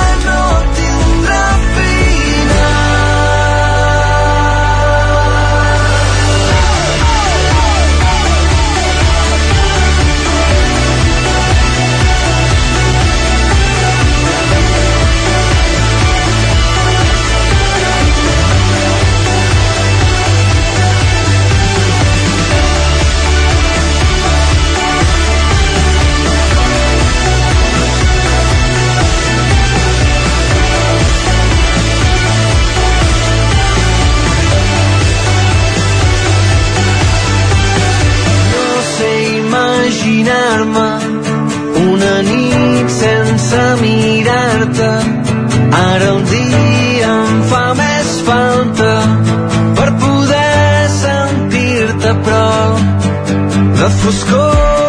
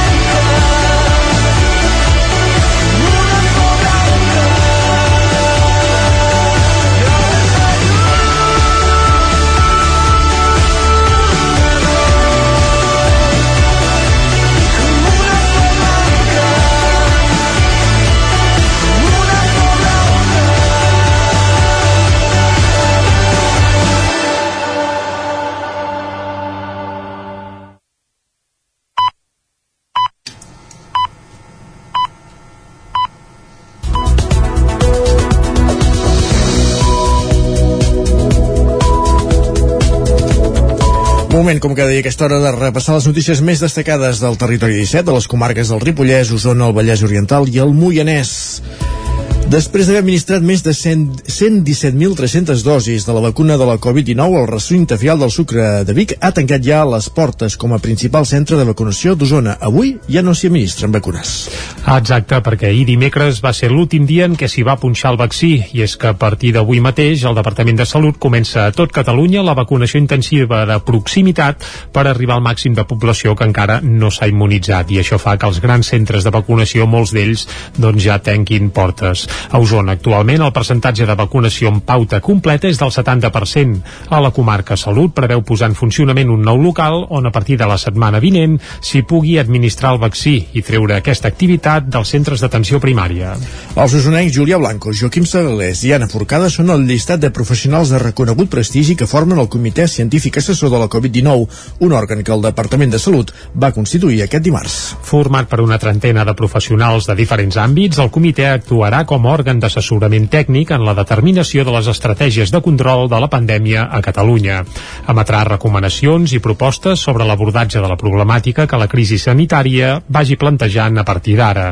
I són els usonencs Julià Blanco, que és el cap del grup de Virologia i Immunologia Celular de l'IRSI Caixa, Joaquim Sagalés, catedràtic i investigador de l'IRTA Cresa, i Anna Forcada, gerent de la territorial de la Catalunya Central de l'Institut Català de la Salut.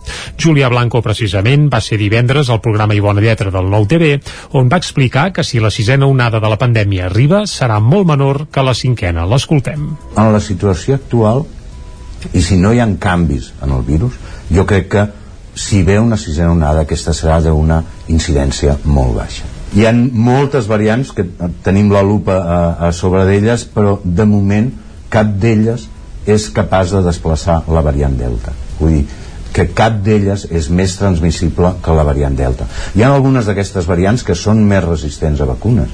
Intentar accedir a col·lectius específics que potser no tenen la informació de com s'han de vacunar o persones que estan en contra de les vacunes. Doncs, bueno, els hem d'intentar convèncer que realment el que ens ha salvat d'aquesta cinquena onada han estat les vacunes. Si no haguéssim tingut vacunes, la cinquena onada hagués sigut un desastre absolut. Blanco també es va mostrar favorable al passaport Covid per entrar en establiments i considera positiva l'estratègia proactiva en la vacunació per part del Departament de Salut que tanca els grans centres on s'administrava el vaccí. Tornant al comitè assessor científic de la Covid, a part dels tres investigadors usonencs, també hi ha professionals de reconegut prestigi en el camp de la sanitat, la medicina, les ciències de la salut, les ciències socials, jurídiques i econòmiques, entre ells, per exemple, els epidemiòlegs Antoni Trilla i Oriol Mitjà. Tots els seus integrants han han estat nomenats per un període de 3 anys. Ahir, 29 de setembre, era Sant Miquel Arcàngel i la Guàrdia Urbana de Vic va poder recuperar la diada en honor al seu patró. Va ser al migdia amb el tradicional ofici a l'església de la Mare de Déu del Carme i posteriorment es va fer l'entrega de distincions i reconeixements als agents que han tingut algun servei destacat durant els últims dos anys. L'acte el va presidir la regidora de Convivència i Seguretat de Vic, Elisabet Franquesa, i l'inspector en cap de la Guàrdia Urbana, Antoni Jurjo.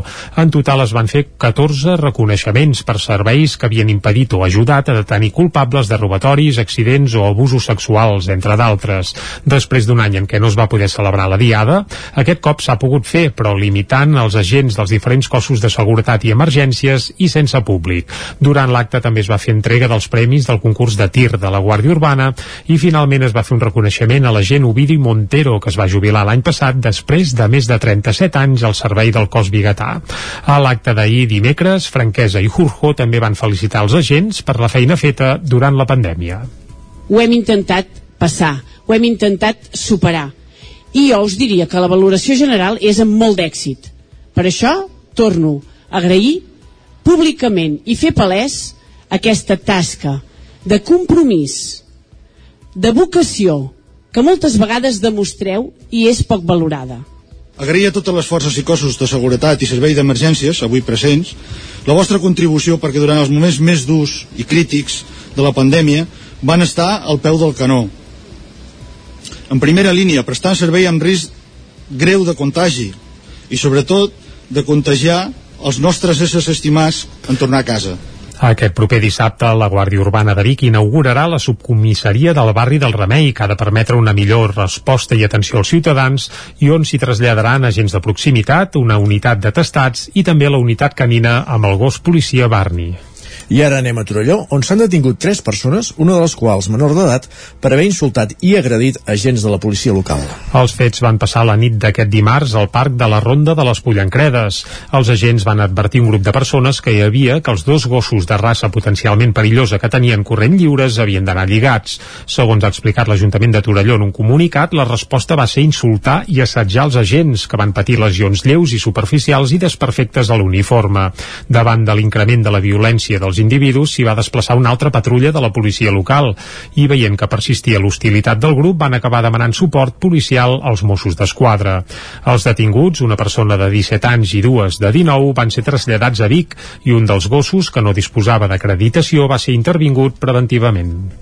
Vigues i Riells del FAI última els passos per tal d'iniciar la restauració de les parets del castell de Montbui, que va ser víctima d'actes vandàlics fa 15 dies. Caral Campàs, des d'Ona Codinenca. L'Ajuntament de Vigues i Riells treballa per tal d'iniciar les tasques de neteja de les parets del castell de Montbui.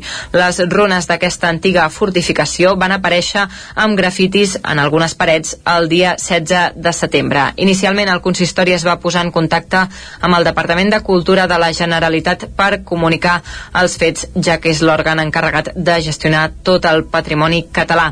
Ara des de l'Ajuntament també s'han posat en contacte amb algunes empreses especialitzades i experts per determinar la millor manera de restaurar l'espai i retirar les pintades. Abel Camp és tècnic de Cultura i Patrimoni. I llavors, clar, uns murs del segle XIV doncs, són delicats. A més a més, aquesta, aquests murs estan lligats amb morter de calç, el morter de calç eh, a la que li apliques pressió, ja sigui d'aigua o sigui de, de sorra, doncs clar, es desfà, per tant s'ha d'anar amb molt de compte a l'hora d'actuar sobre aquests murs. També estan iniciant una investigació conjuntament amb la policia local per trobar l'autor o autors dels fets. El castell de Montbui representa un bé cultural molt important, ja que és l'origen del municipi. És perquè, bé, quan venen les escoles eh, aquí sempre els hi dic, no?, que en realitat el castell és l'origen de, del, del poble, és l'origen del municipi. La primera forma de govern fins ara coneguda que trobem aquí al municipi és en el castell de Montbui amb la, amb la baronia de Montbui no solament pel municipi de Vigues i Riells sinó per la resta de municipis que formaven part de la baronia no? o sigui que una mica l'origen dels nostres municipis es troben al, en el castell de Montbui Els fets es van fer públics després que una persona que va visitar el castell publiqués les fotografies de l'acte vandàlic a les xarxes socials. Poc després es van desplaçar fins al lloc dels fets els tècnics de l'Ajuntament per comprovar i estudiar la situació.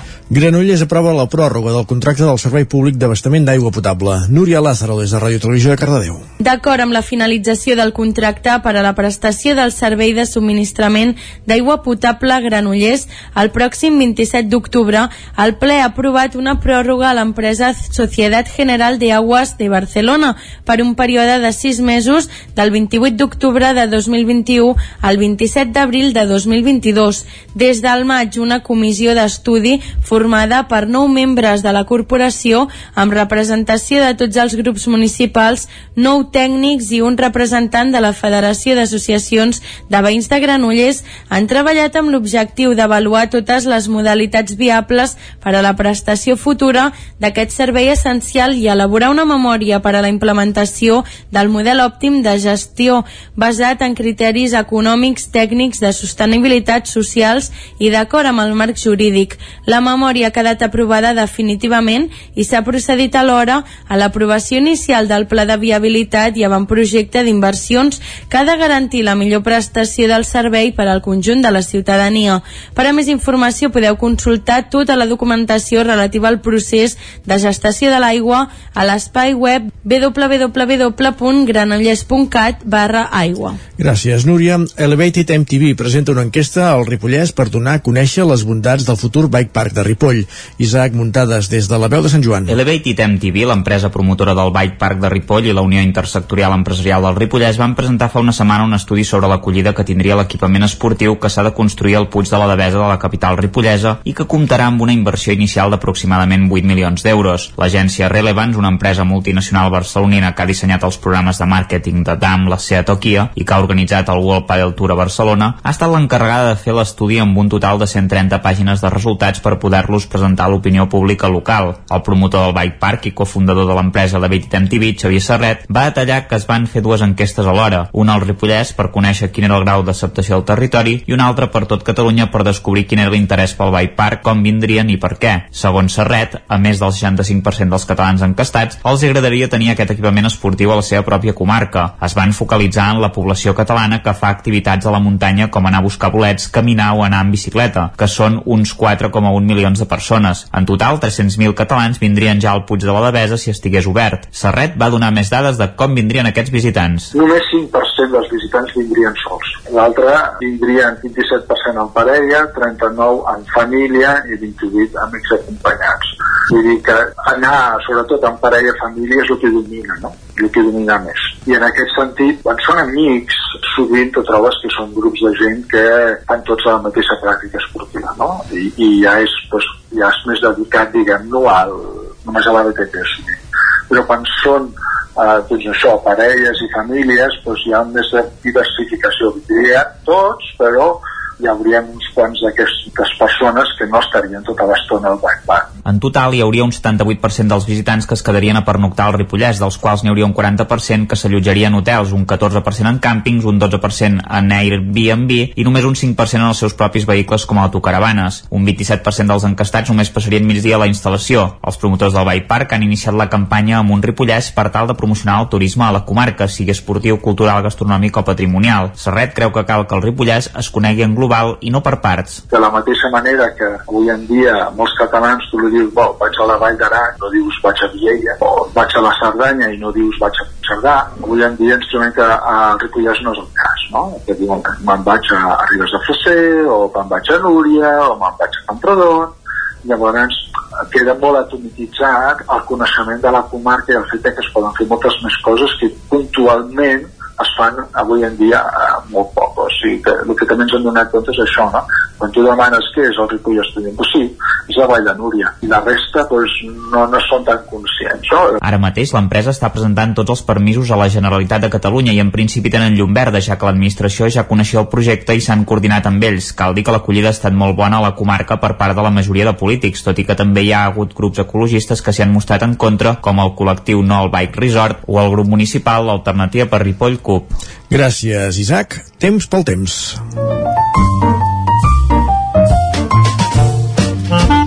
Casa Terradellos us ofereix el temps. I a l'hora de parlar del temps, evidentment hem de tornar a saludar en Pep Acosta, l'hem escoltat a primera hora del matí, ens lamentava que no l'havia acabat d'encertar ni ahir ni abans d'ahir, porta un parell de dies que ens anuncia alguna gota, però no acaba de ploure, eh? i faria falta, faria falta. El saludem de nou i que ens avanci la previsió per avui. Isaac, sí? Endavant. Doncs anem-hi, Pep, va, bon dia de nou. Hola, molt bon dia. Molt bona hora. Uh, el temps i jo, uh, una nova decepció. Sí, no, una ja, ja. decepció. Uh, ahir em pensava que plouria una mica més, uh, que, que hi havia pluges més extenses, però bueno, eh, estem jo no, no, ja no entre la pluja que no fa fred entre el Barça estem estem, estem estem decebuts veurem acaba passant els pròxims dies però estic ja molt decepcionat molt decepcionat Avui ens llevem temperatures eh, que van baixant, clar, és que va avançant els dies, va avançant la tardor, les mínimes per, tot, per sota els 5 graus a les zones més, més altes del Pirineu, entre els 5 i els 10 a moltes, a moltes poblacions ja, i només per sobre els 15 graus en els jocs més càlids al prelitoral. Però no fa fred, eh? no fa ni molt menys. I veurem si aquesta entrada petita vent de nord fa que vagin baixant les temperatures, però de moment no, no, no, no es veu per enlloc cap fredorat ni molt menys i de poc eh, cap, cap grans precipitacions, perquè avui ens llevem amb una mica de núvols, poca cosa, Uh, hi ha una tempesta a prop de la costa però estem, està lluny de les comarques i no, no, no, no, no ens arribarà, no ens afectarà i per tant continuem aquesta dinàmica aquesta mateixa dinàmica amb una mica de vent de nord que fa baixar mica la temperatura però bueno mm, no, no hi ha grans canvis. De cara a la tarda eh, creixerà una nuvolada poder cap al Pirineu eh, cap al transversal també però en principi sense cap precipitació. I les temperatures una mica més baixes que les d'ahir. Les màximes, la majoria entre els 21 i els 24 a 25 graus. Temperatures suaus ni de bon tros fred ni de bon tros calor tampoc eh? i això és tot. Ja veieu que avui no, no estic gaire optimista ni de bon tros estic, estic eh, una mica pessimista amb el temps. Veurem què acaba passant el cap de setmana els mapes deien que plouria ara ja encara no plourà gaire bueno, mm, demà farem un anàlisi de tot plegat i aviam què és el que acaba passant. Moltes gràcies i ens escoltem demà.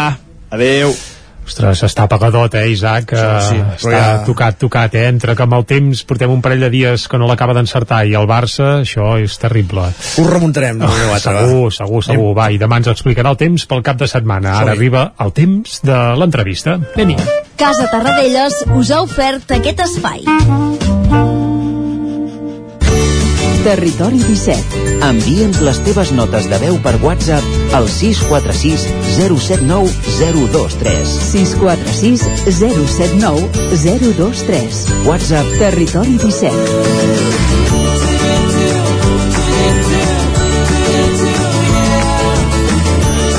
Territori 17. Som a Facebook, Twitter i Instagram amb l'usuari Territori 17.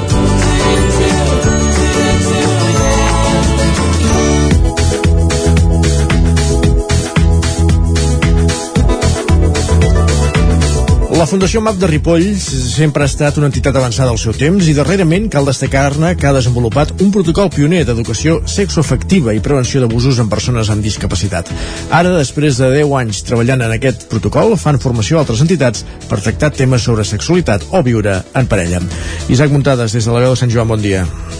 Bon dia, Isaac. Doncs sí, per parlar sobre aquest tema hem convidat a l'estudi de la veu de Sant Joan el doctor en psicologia, sexòleg clínic i responsable de treball en sexoafectivitat de la Fundació MAP, en Jordi Fernández, que fa una mica més de dos anys ja va ser precisament aquí amb nosaltres per parlar-nos que la Fundació MAP havia estat una de les 30 entitats de tot l'estat espanyol que va participar en el projecte pilot Trabajando por el Buen Trato i per tant doncs, avui el, el tornem a convidar perquè ens expliqui com ha anat. Bon dia Jordi, moltes gràcies per ser amb nosaltres. Ah, bon dia, agrair a vosaltres l'interès. Uh, Trabajando por el Buen Trato, que era un projecte per prevenir i actuar davant de les situacions de maltractament en centres amb persones amb discapacitat intel·lectual o del desenvolupament. Com valoreu uh, haver-hi participat? Quines conclusions en traieu? Uh, bé, nosaltres com a entitat valorem d'una forma molt positiva haver participat en un projecte d'aquestes característiques, uh, més que res perquè ens, ens, ens obliga o ens, ens enfoca com a entitat a garantir que no es donguin situacions d'abús i que si es dona algun tipus de situació que podria ser considerada dins la- l'àmbit de l'abús o l'assetjament, uh, tinguem els mecanismes, els canals i els, i els mètodes per poder incidir i treballar-hi.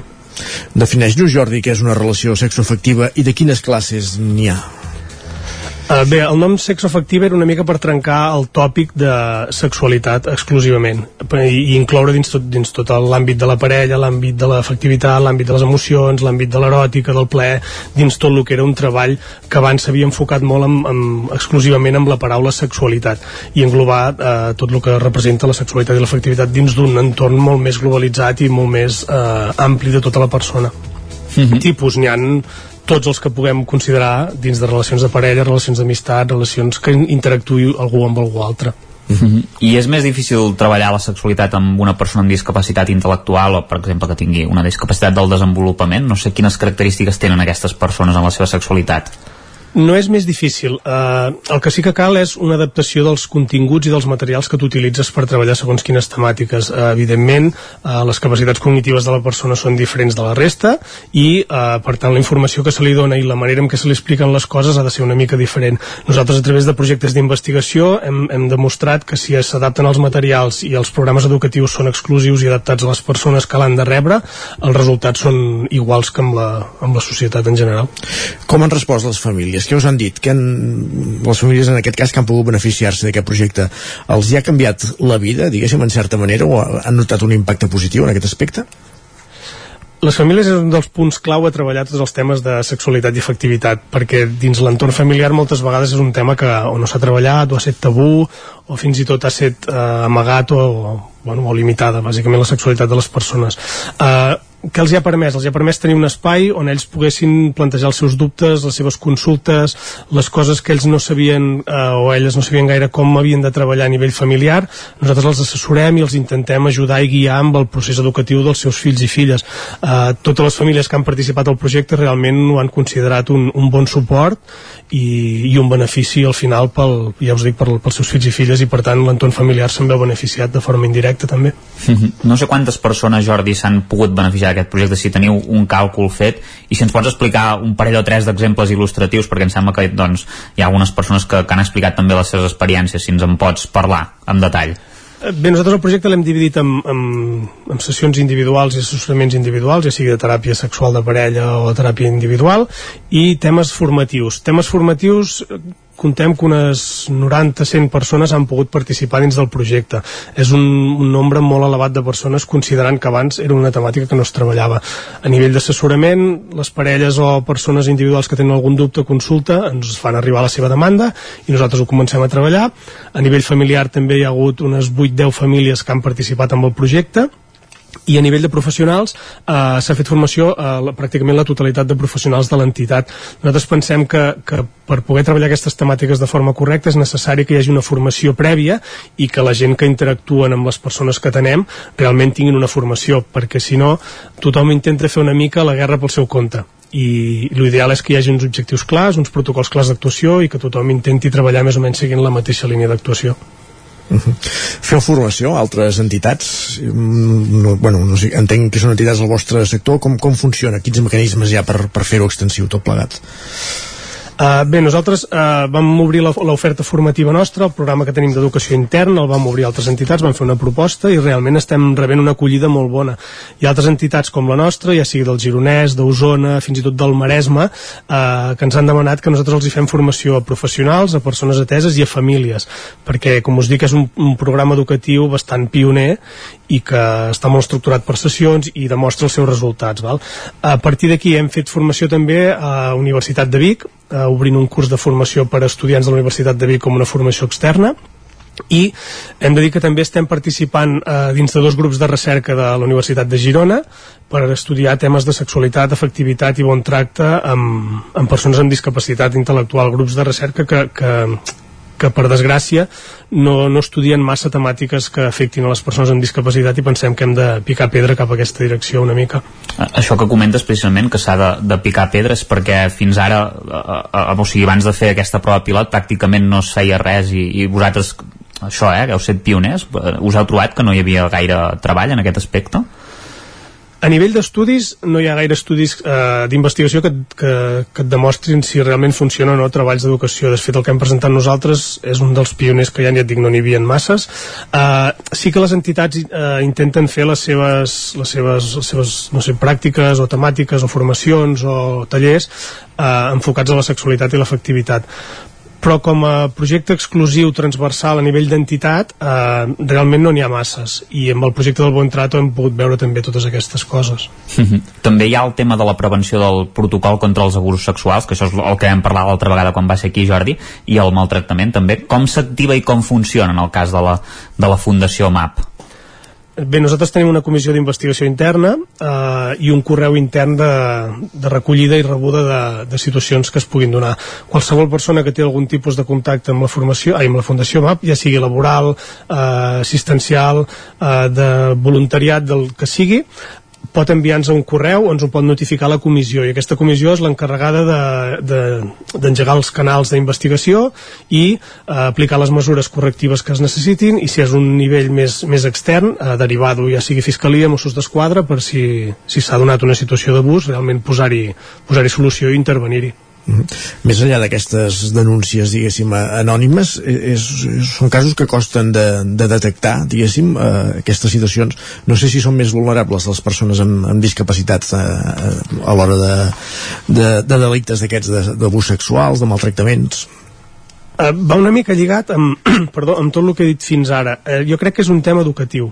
Uh, que ens trobàvem moltes persones que tenim ateses a la Fundació o altres entitats eh, no coneixien el que era un abús sexual o que era un abús psicològic, un abús físic un abús eh, de qualsevol dels tipus que hi han. Clar, evidentment, si les persones no sabien que era una situació d'abús ells no podien, i elles no podien viure com a tal. Eh, per tant, nosaltres eh, diem això, que l'educació és bàsica per poder garantir que totes aquestes temàtiques no es donguin, eh, que no es donguin situacions d'abús i que les persones realment estiguin capacitades per saber si s'està donant o no una situació d'aquest tipus i a través del protocol que hem, que hem creat nosaltres a la Fundació que tinguin els canals canals per, per si consideren que és una situació d'aquestes poder-ho denunciar o poder-ho notificar i si després es considera que no s'ha donat una situació d'abús, realment que puguem treballar-ho, puguem especificar-ho i puguem seguir treballant aquestes temàtiques a nivell formatiu. Nosaltres considerem que la formació és bàsica, d'aquí que fem formació a, a persones ateses, a famílies i a professionals que, que treballen a l'entitat eh, de forma pràcticament obligatòria i per això també eh, suposo que aquesta demanda de les, de les entitats externes per, per importar una mica el nostre projecte, que no és ni el millor ni el principal, és el nostre, ens ha donat bons resultats a nosaltres a nivell intern i suposo que les altres entitats han vist una mica això i intenten copiar una mica coses del model, diguem. Mm -hmm. Jordi Fernández, doctor en Psicologia, sexòleg clínic i responsable de treball de, en secció efectivitat de la Fundació MAP. Gràcies per ser avui amb nosaltres i explicar-nos aquest programa, diguéssim, per, per preveure eh, els abusos sexuals i, i, i un programa, com dèiem, pioner en educació sexoafectiva. Gràcies per ser avui amb nosaltres. Gràcies a vosaltres i gràcies sobretot a, a donar veu a aquesta problemàtica que realment cal, com dic, seguir picant pedra, seguir anar explicant, que la gent ho sàpiga i normalitzar conductes que, i situacions que fins ara s'estaven amagant, limitant i, i bueno, amb el benefici final de, de les persones que tenim ateses a les diferents entitats. Sense dubte que és el més important. Gràcies i gràcies també Isaac un dia més. Gràcies a vosaltres. Seguim.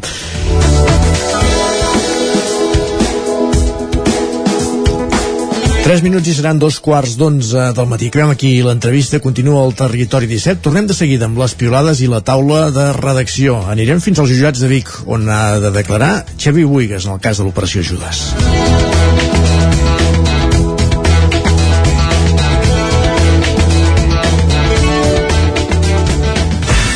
El nou FM, la ràdio de casa, al 92.8.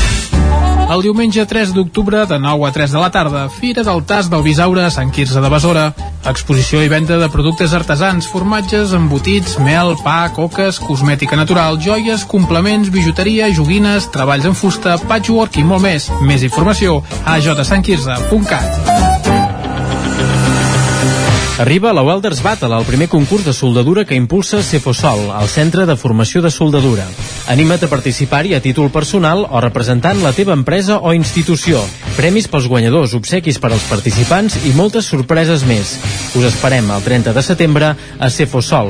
Hi col·laboren empreses locals, nacionals i internacionals i l'Ajuntament de Gurb. Apunta't enviant un correu a info arroba.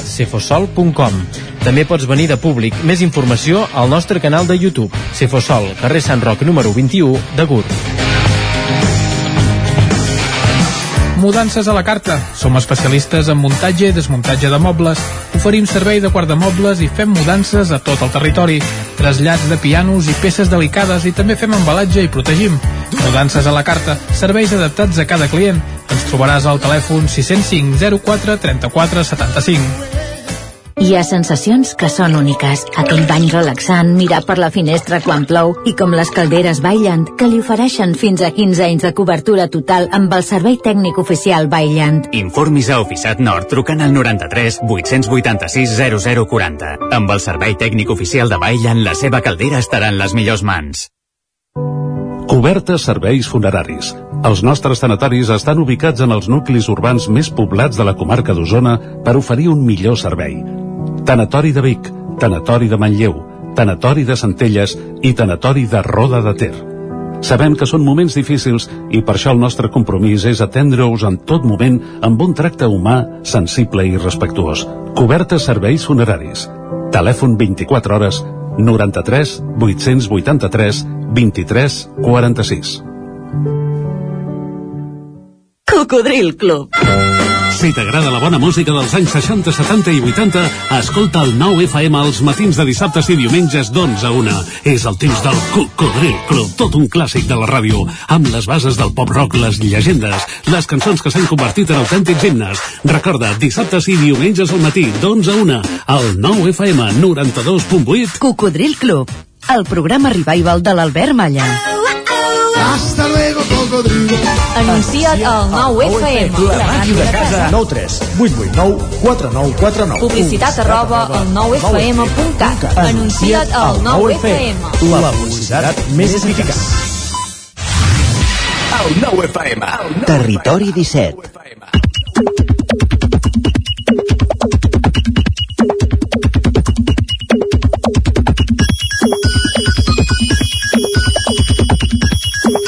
I a dos quarts d'onze en punt al territori 17, moment de saludar Jordi en Guillem Sánchez per conèixer què diu Twitter hores d'ara. Exacte, hores d'ara o ahir a la nit, per Ahir exemple, eh?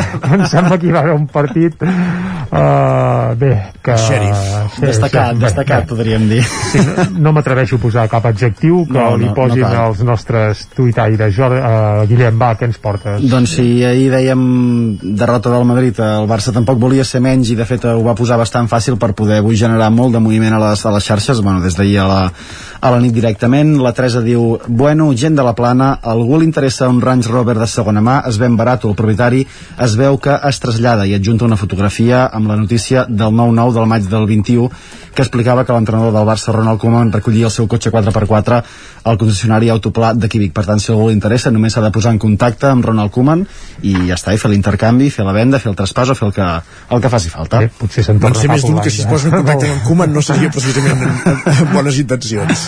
Ai, està bé aquest comentari que has fet. doncs. perdó, perdó. Però no voler guanyar la Champions té una explicació que és la que ens diu en Roger. Ah, Tran val. tranquils, en Koeman... No voler guanyar la Champions. En, en, en Koeman ho té tot pensat, no passarem de grups per anar a l'Europa League, guanyar-la i assegurar així el lloc per la Champions de l'any que ve. Deu ser que ell tampoc eh, confia gaire que puguin acabar entre els quatre primers a la, a la Lliga Espanyola aquesta temporada. Jo seria més partidari de demanar una excedència i aquest any no anar a fer pena per Europa. Però vaja. Home, l'altre tema és que si també han de cobrar primes per guanyar l'Europa League eh, o la Malament Champions, anem, que ens malament eliminin anem. aviat, pim-pam-pum, i tu, que la caixa és, és molt magra aquest any, sembla, eh? Bueno, va, seguim, seguim. Com hem vist, Koeman és una de les dianes de les crítiques del Barça, però també, per exemple, el davanter Luc de Jong, eh, agafem-nos un parell de, de comentaris de, del que deien les xarxes, diu estem 100% segurs que Luc de Jong és futbolista? Preguntava en Gerard. Era en Gerard Teutet? No, eh? No, no, no, no, no. molt bé, molt bé. I en Xavi diu Luc de Jong és aquell conegut d'un amic que l'aviseu a última hora per jugar a la Lliga Nocturna el dia que us falta gent. I també recomana algú en els comentaris de sota no el torneu a trucar per al pròxim partit. Per tant, mm, situació... Bé, no, no, té pocs sí, sí. fans, el Luc de Jong, sí, sí. Uh, I en fi, veure el Barça per alguns és ben bé ara com una teràpia. La Sònia comenta, ja només miro els partits del Barça per insultar. Home, doncs pot fer com jo, no veure'ls I no mirar-los, i, també. I, i aprofitar el temps, eh? per exemple. Més coses. Doncs va, canviem de tema. En un dia de vaga de Rodalies no podíem deixar de mirar un moment què es diu i què passa per la, per la R3. L'Arnau diu informació millorable dels horaris de la, de la Rodalies 3 de l'estació de Vic a base de típex i adjunta una fotografia amb horaris corregits directament sobre el paper amb, amb típex. De fet, no sé si aquesta manera és la millor de donar servei i informació als usuaris. És a dir, alguns trens que no passen ja han posat típex directament sobre l'horari, sobre el paper, i aquesta és la, és la informació que es dona a la gent que va a l'estació. I demà el trobaran el típex. No, no ho sabem, no ho sabem. Ostres, ostres.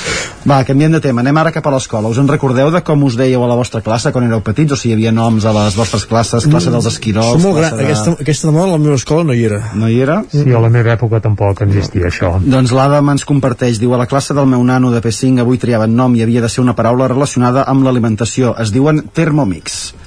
Ostres. És ben Són brillants, són brillants la canalla. I en aquest tuit hi ha moltes respostes, per exemple, el Pirata Pic diu clar, clar que pot ser, escull la canalla i els deu sonar molt més divertit que la classe de les pastanagues. I a més, no té gènere, per tant, un 10 pel grup. Per tant, felicitant aquesta, aquesta elecció. Vinga. Hi ha algunes persones que sempre seran una mica, una mica nens o nenes. La Carlota diu, la meva mare em pregunta per què em compro ampolles d'aigua amb pitorro, que són per nens petits, i ella diu, jo li pregunto per què no s'ha fer servir el Google Maps. Bueno, són aquelles, aquells comentaris i aquelles generacions diferents, a els importa una cosa i als altres sembla que, que no tenen tanta facilitat per, per comprendre eines i, i processos digitals com per exemple la mare de la, de la Carlota. I aquesta setmana també ha estat sobre la taula la qüestió de la legalització de la marihuana. Eh, podem, podem comentar-ho així i Antoni diu legalitzant la marihuana no avançarem cap a la independència però segur que se'ns farà més curta aquesta legislatura i així ho deixem per avui aquí Doncs bé, això té moltes interpretacions, però no en comentarem cap de les que em passen pel cap. en antena no, en antena no Molt bé, doncs moltes gràcies, Guillem. Isaac, fem ara un cop d'ull al que diuen les Ràpidament, va. portades del 99.cat, però on vols que comencem? Va. Uh, el que tinguis a tiro, la vermella. O la vermella, la que vulguis. Uh, doncs vinga, va, comencem per la vermella. Tres detinguts per agredir policies de Torelló. Ho hem explicat ara fa poc al butlletí informatiu, amb això per ara mateix el 99.cat d'Osona i el Ripollès, i també es fa uh, ressò de que el projecte Talent i Noves Oportunitats uneix a 23 municipis d'Osona. També expliquen que la Generalitat supedita el POUM a la divisió de la finca que ha de desencallar la caserna de Manlleu, un tema que és etern. Anem cap Sí, al Vallès Oriental, cobren explicant que vuitena setmana consecutiva de descens dels pacients ingressats amb Covid-19 als hospitals ballesans, per tant en aquest sentit sembla que aniríem per bon camí, i també Adif proposa un pas soterrat per a vianants per suprimir el pas de nivell de la R3 en aquest cas a la Llagosta. Per acabar, Granollers preveu destinar 52 milions al servei de neteja viària i recollida de residus en els propers 10 anys. Perfecte, doncs moltíssimes gràcies Jordi i Guillem. Uh, continuem al Territori 17, anem a la taula de redacció.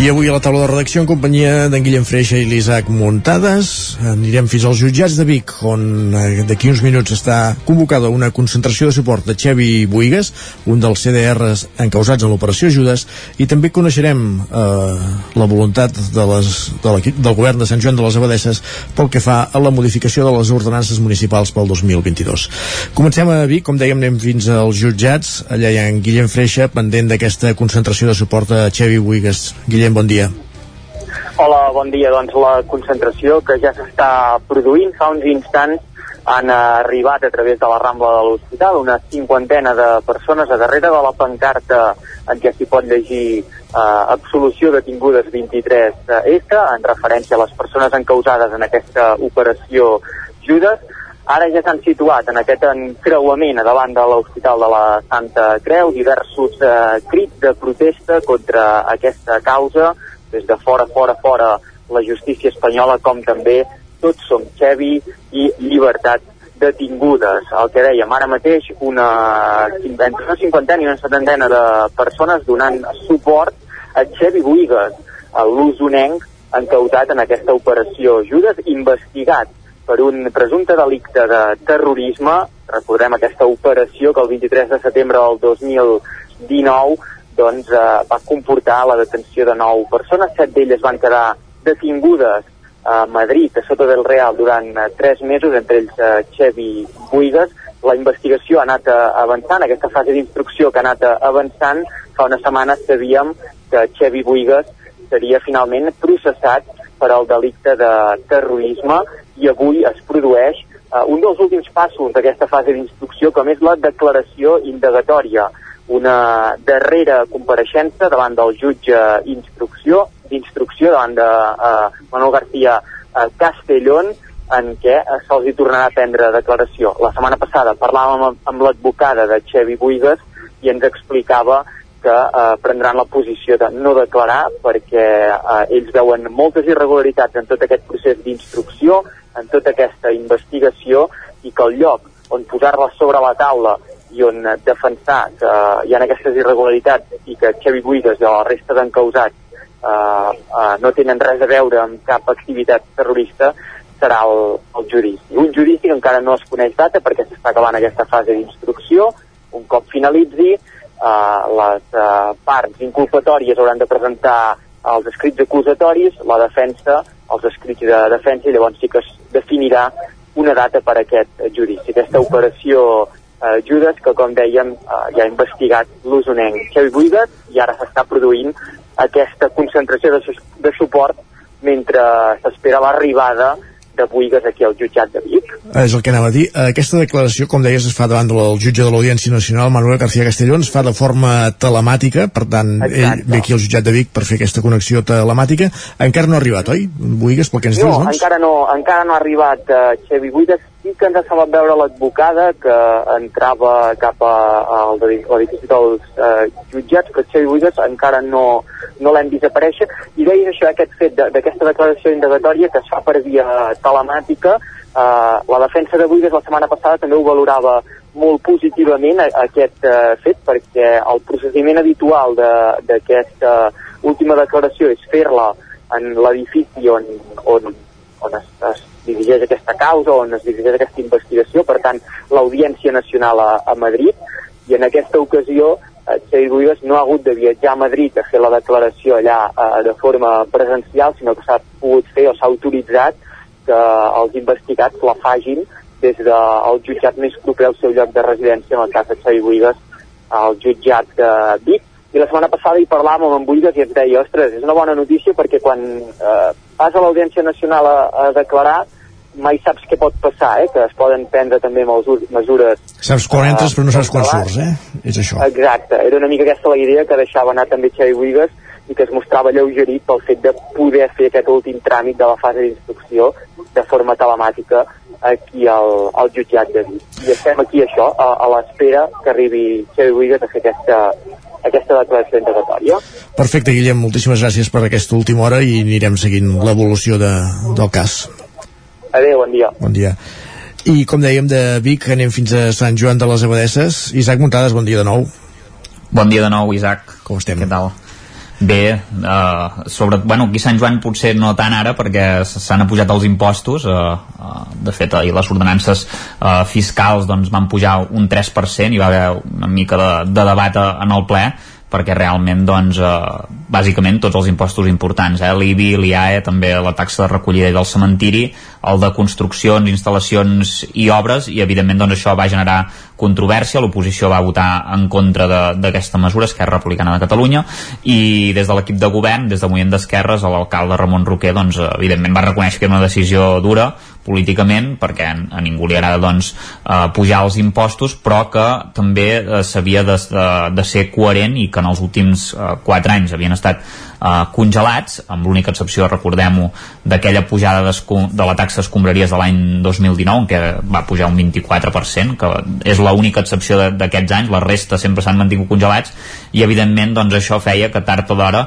s'haguessin de pujar per la delicada situació que està l'Ajuntament, eh, que recordem doncs, que va tancar el 2020 amb una liquidació negativa, que té també el deute eh, que supera els 2 milions i mig i, i bé, que, té, que també està dins d'un pla de sanejament fins al 2026. Uh, L'alcalde ho va justificar per al fet doncs, que, que hi ha molt, que el, el preu diguéssim de les coses han pujat i que evidentment doncs, no ho compensen doncs, amb el que ingressen amb, amb impostos això eh, per exemple comentava que l'IPC eh, ha pujat un 5,9% aquests anys. També hi ha hagut un increment retributiu d'un 8% que són uns 80.000 euros en salaris de, de treballadors Uh, la forquilla salarial també està entre 67.000 i, i 200.000 euros uh, si s'acaba doncs, uh, ocupant totes les places i a més a més doncs, el servei de jardineria i la incorporació doncs persona a, a la brigada així d'urgència per, per una baixa doncs suposen 26.000 i, i 16.000 euros respectivament, vull dir que és una xifra que s'eleva fins als 285.000 euros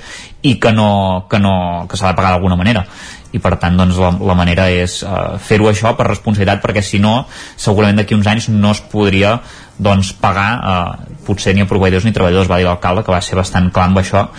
I, i bé, des d'Esquerra doncs, van lamentar això que s'hagi fet en una etapa de postpandèmia que evidentment doncs, ara la gent potser no viu el seu millor moment i, i a sobre els hi, els hi pugen els impostos. Això és el que deia el seu porteu Sergi Albric i que realment doncs, l'Ajuntament eh, en altres moments eh, havia prioritzat compres que ells consideren que ara mateix doncs, no eren necessàries i que això podria haver suposat no haver de pujar els impostos perquè no s'haurien fet aquestes despeses com per exemple la compra de, de Can Victo que és l'edifici que hi ha a l'entrada uh, de, la, de la carretera de, de Sant Joan des de Ripoll que va costar 300.000 euros però que ara a més a més s'ha de recordar que s'han acabat les obres de, de la millora d'aquell espai pràcticament, per tant doncs també en certa manera sí que s'ha vist una millora important, eh? vull dir que si era necessari o no s'ha de discutir però, però realment aquí doncs eh, tenia les seves posicions. Però, però ja veieu, va ser un, un ple bastant, bastant interessant en aquest sentit.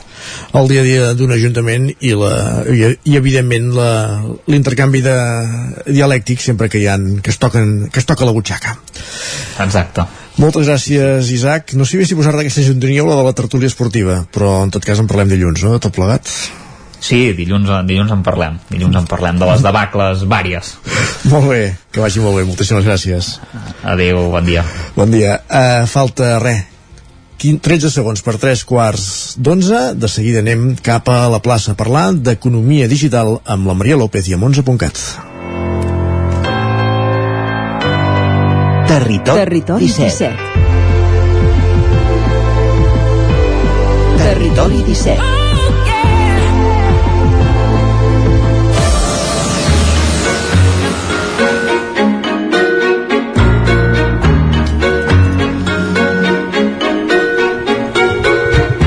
Doncs ja entrem a la plaça Maria López, bon dia. Bon dia i benvinguts a, a I enhorabona, la plaça. abans, Escolta, enhorabona abans que res, eh? T'hem sentit Gràcies, abans gràcies. el tall de veu informatiu com a directora de Ràdio Televisió de Cardeu recollint aquest premi per l'operació Poaqui. No podem fer res més que felicitar-vos en públic també. Moltíssimes gràcies, la veritat va ser un dia molt emocionant el d'ahir. Molt bé. Bé, doncs ara som-hi som a la plaça, no? Perquè, escolta, Isaac, tu saps què és un compte universal? Així ara, de cop no. M'encanta posar-te examen. No, ja, a mi també m'agrada que m'hi posis, sí, sí. és això? No. doncs ara mateix t'he idea, que no, no? la veritat, és, la veritat és aquesta, sí. Doncs, Isaac, tant tu com totes aquelles persones que ens estiguin escoltant i tampoc sapiguen que és un compte universal, us convido a quedar-vos una estoneta aquí a la plaça. Perquè, com ja ens avançaven dijous passat, les companyes d'11.cat, avui parlarem dels comptes universals. Què són? Com funcionen? Quins avantatges ofereixen? I, sobretot, per què és tan important que la gent ens comencem a enterar de què és això, de què va aquest concepte.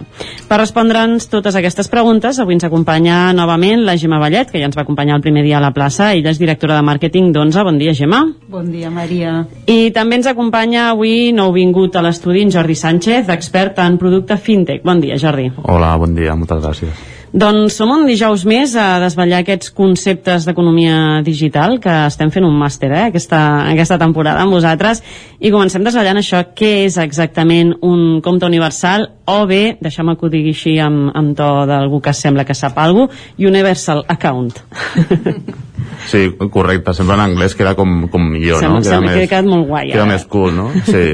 Uh, és un concepte molt, molt interessant. Al final també és imaginar-se en el moment en què una persona tingués una numeració única val, en, el, en els comptes on a partir d'aquesta numeració o aquest compte pot eh, gestionar o, o pot inclús escollir també a l'entitat o el proveïdor de serveis financers que, que hi vulgui. És, una, és, un, és un tema a nivell de gestió molt, molt, molt interessant. No? Llavors, és un compte únic que engloba tots aquests productes i serveis que, que una persona doncs, pot tenir i li pot interessar. Llavors, és una mica imaginar-se això, no? que amb aquest compte únic eh, qualsevol tipus de client o de persona pot gestionar o pot inclús contractar tot tipus de productes amb la màxima oferta no? llavors tot a l'abast de, del client o, o, d'aquesta persona pot demanar préstecs, invertir tota la mateixa operativa i amb la, el màxim ventall no? d'aquests productes Llavors, d'alguna manera, a veure si ho entenc jo, mantenim un mateix número de compte, eh, tot i que jo tingui, vagi associat a tres bancs diferents, per exemple. Exacte. Correcte, correcte. Sí, amb aquest número de, de compte únic, eh, per exemple, estàs amb un proveïdor, jo normalment l'entitat bancària dic proveïdor, i en un moment amb un sol clic podries anar a un altre. O sigui, seria supercòmode i supercòmode per, pel client i també una gran avantatge a nivell d'entitat financera. Ells normalment tenen el seu procediment per tenir el client i per retenir-lo, però sí que és cert que a nivell de, de gestió i de, de costos no? per part de l'entitat financera també seria una gran avantatge. O sigui, són avantatges realment per part del client i per part dels proveïdors també. I això requereix eh, d'alguna manera que els bancs es posin, es coordinin entre ells d'alguna manera? Hi ha bancs que estan dintre d'aquesta possibilitat i hi ha bancs que no? O, o és una cosa externa a ells, diguéssim? A dia d'avui és, és molt, molt utòpic perquè cada, cada entitat financera utilitza el seu procediment de, de Know Your Customer, que es diu, que és a l'hora d'enregistrar-se o a l'hora de, de tenir fitxat a, al client, no? per un tema de la normativa europea, de prevenció de, de blanqueig de capitals. Però sí que és cert que si les entitats financeres no tinguessin aquesta competència que tenen no, a l'hora de retenir el client i oferir només els seus productes, realment seria una gestió molt, molt, molt fàcil per a ells i realment ja dic, a nivell de, de gestió, a nivell de, de cost, a nivell tecnològic seria un avantatge per a ells també. Això de, ara et deies tu la paraula avantatge, això anàvem. Quines serien les avantatges d'un compte universal per la, per la gent, per l'usuari? Sí, uh, com bé comentava el Jordi i tu també has observat ràpidament, és, hi ha una part molt interessant d'estalviar temps i costos quan fas les transaccions, perquè tu com a usuari estàs decidint quin producte vols agafar en aquell moment i amb quina entitat, no? perquè, perquè el que és el compte universal el que et permet és augmentar la possibilitat de tenir determinats productes no? dius vull fer un moviment de diners no? des de quin banc ho estic fent val? el tens tot agregat llavors t'augmenta la velocitat per tant tu també de, de poder fer les transaccions, de fer els moviments dels diners, perquè dius, no, jo aquí me'n recordo que funciona millor, no? I fins i tot tindrem moments amb les quals doncs, les superapps que parlàveu la, uh -huh. l'anterior vegada doncs, t'ajuden a decidir on tens la millor avantatge, no? En aquell moment de fer la determinada transacció. Per tant, eh, també tenim aquí que el fet de que tu puguis eh, escollir ràpidament i fer les transaccions pot ajudar també a determinades entitats a tenir un, un a alleugerar els seus propis costos perquè, perquè, bueno, perquè no estàs pendent tant de, m'entens, del servei al client perquè és el client el que està fent tot aquest uh, pensament, aquest moviment del, dels diners. Llavors, uh, ONSA, per exemple, ha nascut com a compte universal perquè és el que ha de tendir tota la, la nostra forma, no? És per això que estem parlant d'una cosa que és molt, molt innovadora i que ara, per exemple, a lo millor ens sembla complicat, però igual que havíem parlat anteriorment a, en conversa amb tu, són productes o són formes de, de, de, de fer un servei bancari que amb no res ens habituarem a fer-lo servir tal qual una mica el que parlàvem l'altre dia també de les superapps, no? que ara mateix ens sona cara com, com a xino i, i d'aquí dos dies o, o saps com va Exacte. o, o t'ha enganxat el toro. Per això ens va bé la plaça, perquè quan arribi el moment ja sapiguem com funciona la història. Eh, a mi se'm generen dubtes, no? per exemple, jo sóc de les que té com tres comptes o quatre diferents, i això segurament molta gent, en diferents entitats, perquè aquí aquest et va millor per l'estalvi. Aquí tinc el compte de les despeses de casa, on cobro i les despeses de casa. I en aquest altre tot el que té a veure amb els nens i les despeses dels nens. Uh, com, com gestiones tot això? Vull dir, jo ara, per la factura de la llum, els he donat un número de compte que és el que tinc les despeses de casa. Com ho faríem amb un compte únic? Doncs ara, ara o sigui, tu mateixa ho, ho acabes de dir, no? O sigui, tens diverses entitats diferents on ells des de l'entitat, cadascuna ofereixen el seu producte o el seu compte únic, no? Nosaltres és al, és al revés, o sigui, nosaltres amb, el, amb 11, val? amb el que serà l'aplicació del Canut, és l'altra perspectiva, és des de la visió del client podrà entrar a l'aplicació val, de 11 i podrà escollir el tipus de compte que vulgui, perquè tindrem eh, diversos eh, tipus de compte o IBANs, que això en parlarem després, eh, i després també a nivell de productes, si nosaltres a partir de l'aplicació de 11 tenim diversos proveïdors o diverses ofertes a nivell de producte, no caldrà esperar que l'entitat, per exemple, una entitat bancària com pot ser eh, l'UBA o Sabadell t'ofereixi el seu producte val? perquè a més eh, per una part molts cops sembla que la pròpia entitat et vulgui oferir el seu producte però no preocupant-se pel client uh -huh. no? en aquest sentit serà al revés o sigui, a 11 tindrà tota una gamma àmplia de productes a nivell de proveïdor i al final també serà el client eh, que escollirà aquell producte no? nosaltres com ho farem això? mitjançant la plaça mitjançant ja diversos vídeos que tenim o diversos articles que expliquem aquest tipus de producte, el client tindrà el coneixement necessari per escollir o per, per contractar aquell producte. Mm -hmm. A nivell de Catalunya tenim més llocs on podem trobar comptes únics? Som pioners. Som no existeix, a no nivell de Catalunya no existeix. No. I a nivell d'Espanya entenc que les grans entitats ofereixen o ara mateix no, no hi ha cap cas en, ni a Catalunya ni a l'estat espanyol i ens hem d'anar fora d'Espanya directament per trobar exemples de comptes únics l'1 d'octubre on se llança un compte universal és a dir, demà per què és tan important per, per la gent d'alguna manera tenir clar aquest concepte, com funcionen els comptes únics? En principi, bueno, aquesta pregunta és, és, és humanística, saps? Perquè al final podríem dir que el que hem de tenir és un coneixement financer personal, sí? I la importància de saber com funciona el teu compte és bàsic o sigui, pensa que, que a nivell diguem-ne mm, drets, no? drets de persones, de ciutadans hauríem de tenir tots accessos a aquesta informació no? llavors aquí hi ha un principi també de, de fintech comunitària que és hem de saber per què és important per nosaltres tenir un compte universal perquè tu has de tenir transparència amb tota la informació que et venen dels bancs i tenir un compte universal et donaria transparència i et donaria la possibilitat de decidir i això és un, un dret que, que va amb tu no? Que aquesta és, per mi és la part més, uh, més central del tema no? que hem de saber com funciona un compte universal igual que has de saber de finances no? personals per gestionar millor la teva vida per conèixer més uh, això com, com sobreviure en temps com hem viscut ara i com a partir d'ara doncs, ser uh, suficientment in, autònom, independent com per gestionar la teva economia personal. Sabem però, però, uh, prou de finances la gent o estem massa perduts? Potser no li dediquem prou, prou temps a saber ben bé com funciona tot això? Sí, i a vegades li faig la, la comparativa amb la música clàssica, no? O sigui, hi ha coneixements que es queden com per una élite, no? Llavors, eh, aquesta élite, doncs, eh, acaba per dominar un, un sector del coneixement no? i en aquest cas ens ha passat amb finances que s'ha quedat molt tancat a dins d'un sector d'una élite no sabem tant i el que hem de fer és ajudar les persones a que en sàpiguen més no?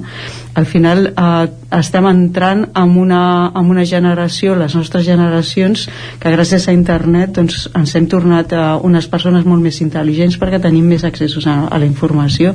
Doncs fem això, continuem tenint accés a aquesta informació i enfocar-nos més a, a tenir un control de, de la, del coneixement de finances. Mm.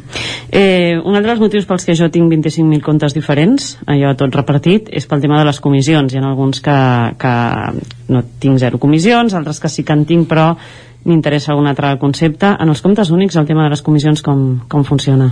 Bé, si mirem a nivell general al mercat, aquests últims anys el que ha estat passant i com hem vist és aquestes fusions que hem tingut a nivell d'entitats bancàries i això en qualsevol mercat, no només el bancari, quan es concentra un mercat eh, fa que el client no, no tingui tanta oferta a nivell de, de canvis, o sigui, a nivell d'oferta bancària en aquest cas, llavors fa que l'empresa o el banc en aquest cas tingui com més poder per imposar els seus preus o les seves comissions. No?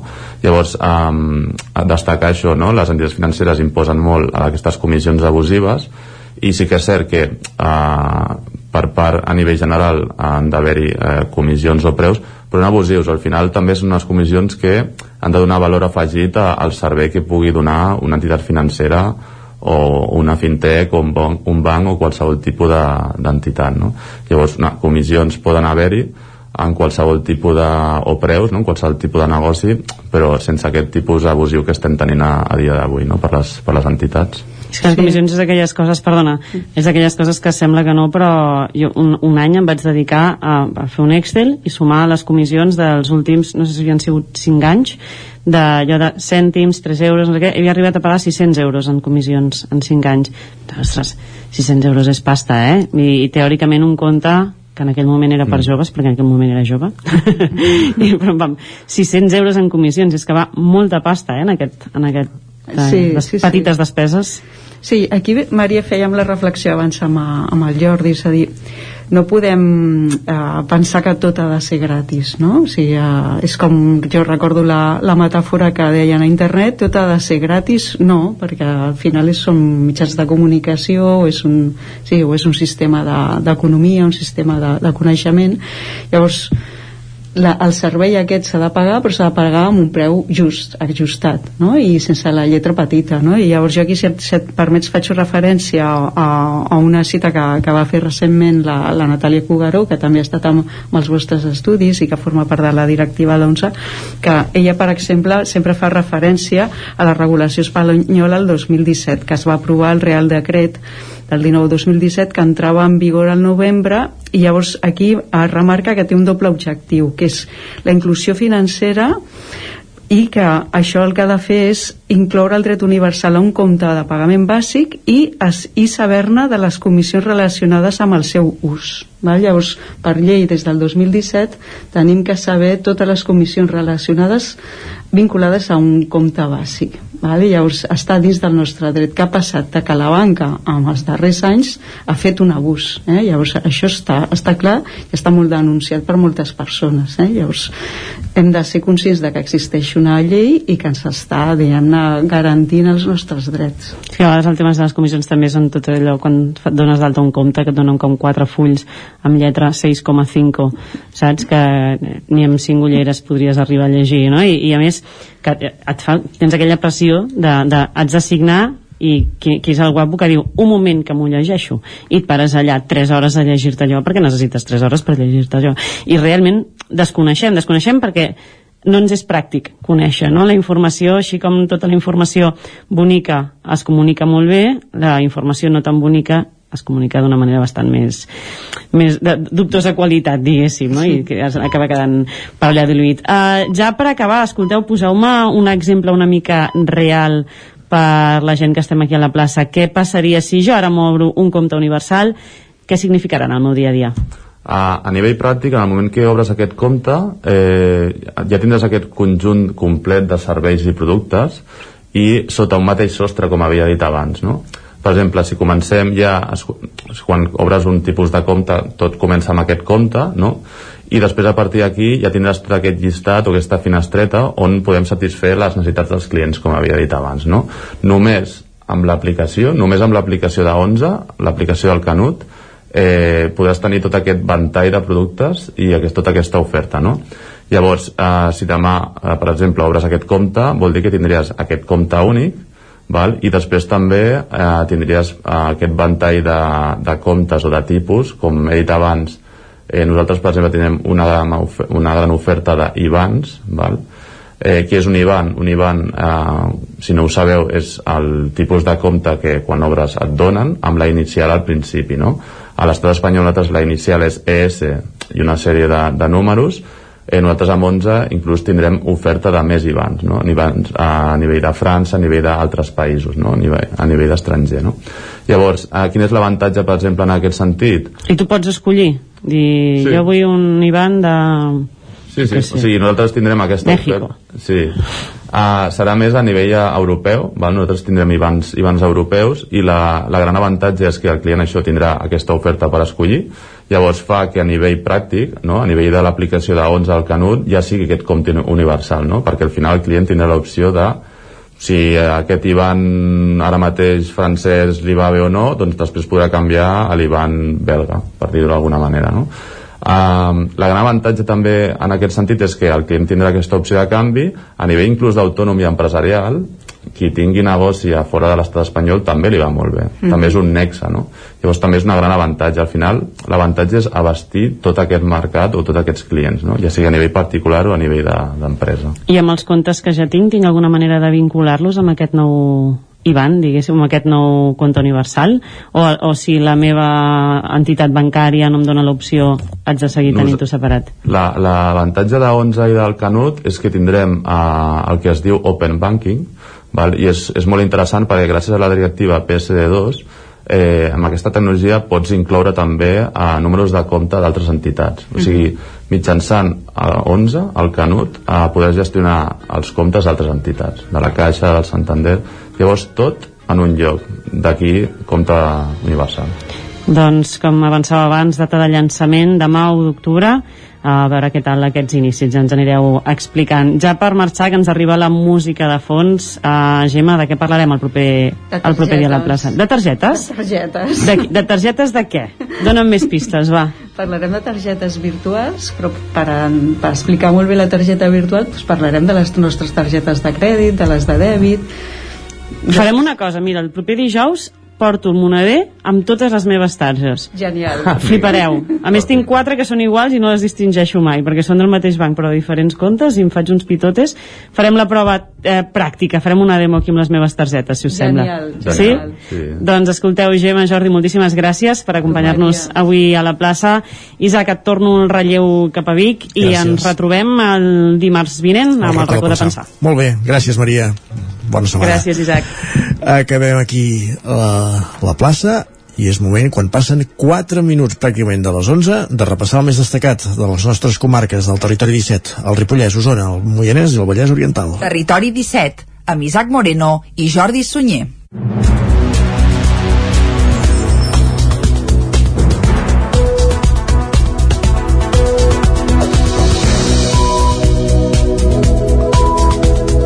Com els dèiem, són les 11, a aquesta hora els expliquem que el ple de Ripoll no condemna els atacs a la seu d'Aliança Catalana i la CUP acusa Sílvio Riols d'atiar l'odi. Isaac Muntades, des de la veu de Sant Joan. Quan el ple de Ripoll és el torn de les mocions presentades per la regidora no escrita Sílvia Oriols, la tensió es dispara i l'ambient es caldeja. En la sessió plenària de dimarts, tots els grups municipals, Junts, Esquerra, el PSC i l'Alternativa CUP, van votar en contra d'una proposta que demanava la condemna que va patir la seu d'Aliança Catalana per part d'uns manifestants convocats pel grup Copaire, arran i el Casal Popular La Metxa. Segons Oriols, aquests fets van passar durant el transcurs de la marxa de torxes del 10 de setembre. Uns integrants de la manifestació haurien enganxat adhesius a la façana de la seu del partit i llançat una torxa encesa cremant la part interna de la tela. La regidora va denunciar-ho als Mossos i després d'acusar de totalitaris els que van perpetrar l'atac, va demanar a l'Ajuntament que no es borri les imatges de les càmeres del barri vell d'aquell dia i que el consistori es personi com a acusació particular per un delicte d'odi si la causa prospera. La regidora de Junts per Catalunya de Seguretat Ciutadana, Dolors Vilalta, va ser molt clara. Nosaltres eh, condenem, evidentment, qualsevol qualsevol acte incívic o incidència que hi pugui haver-hi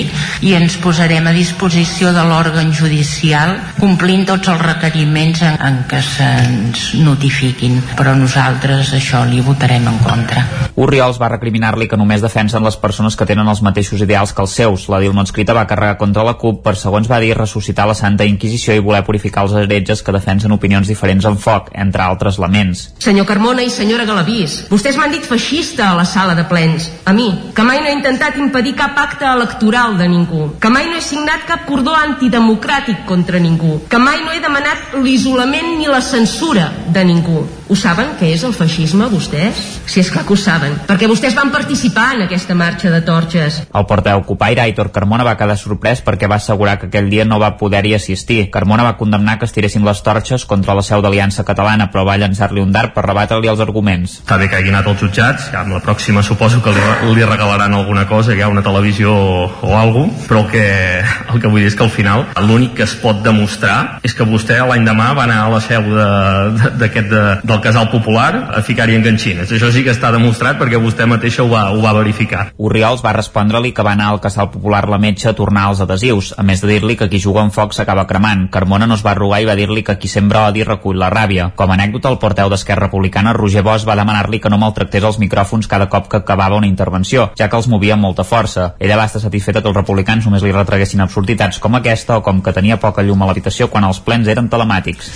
Després d'haver administrat més de 117.300 dosis de la vacuna de la Covid-19, el recinte Firal del Sucre tanca avui les portes com a principal centre de vacunació. De fet, ja està tancat, avui ho estan desmantellant, ja no s'hi ja no s'hi posen vaccins.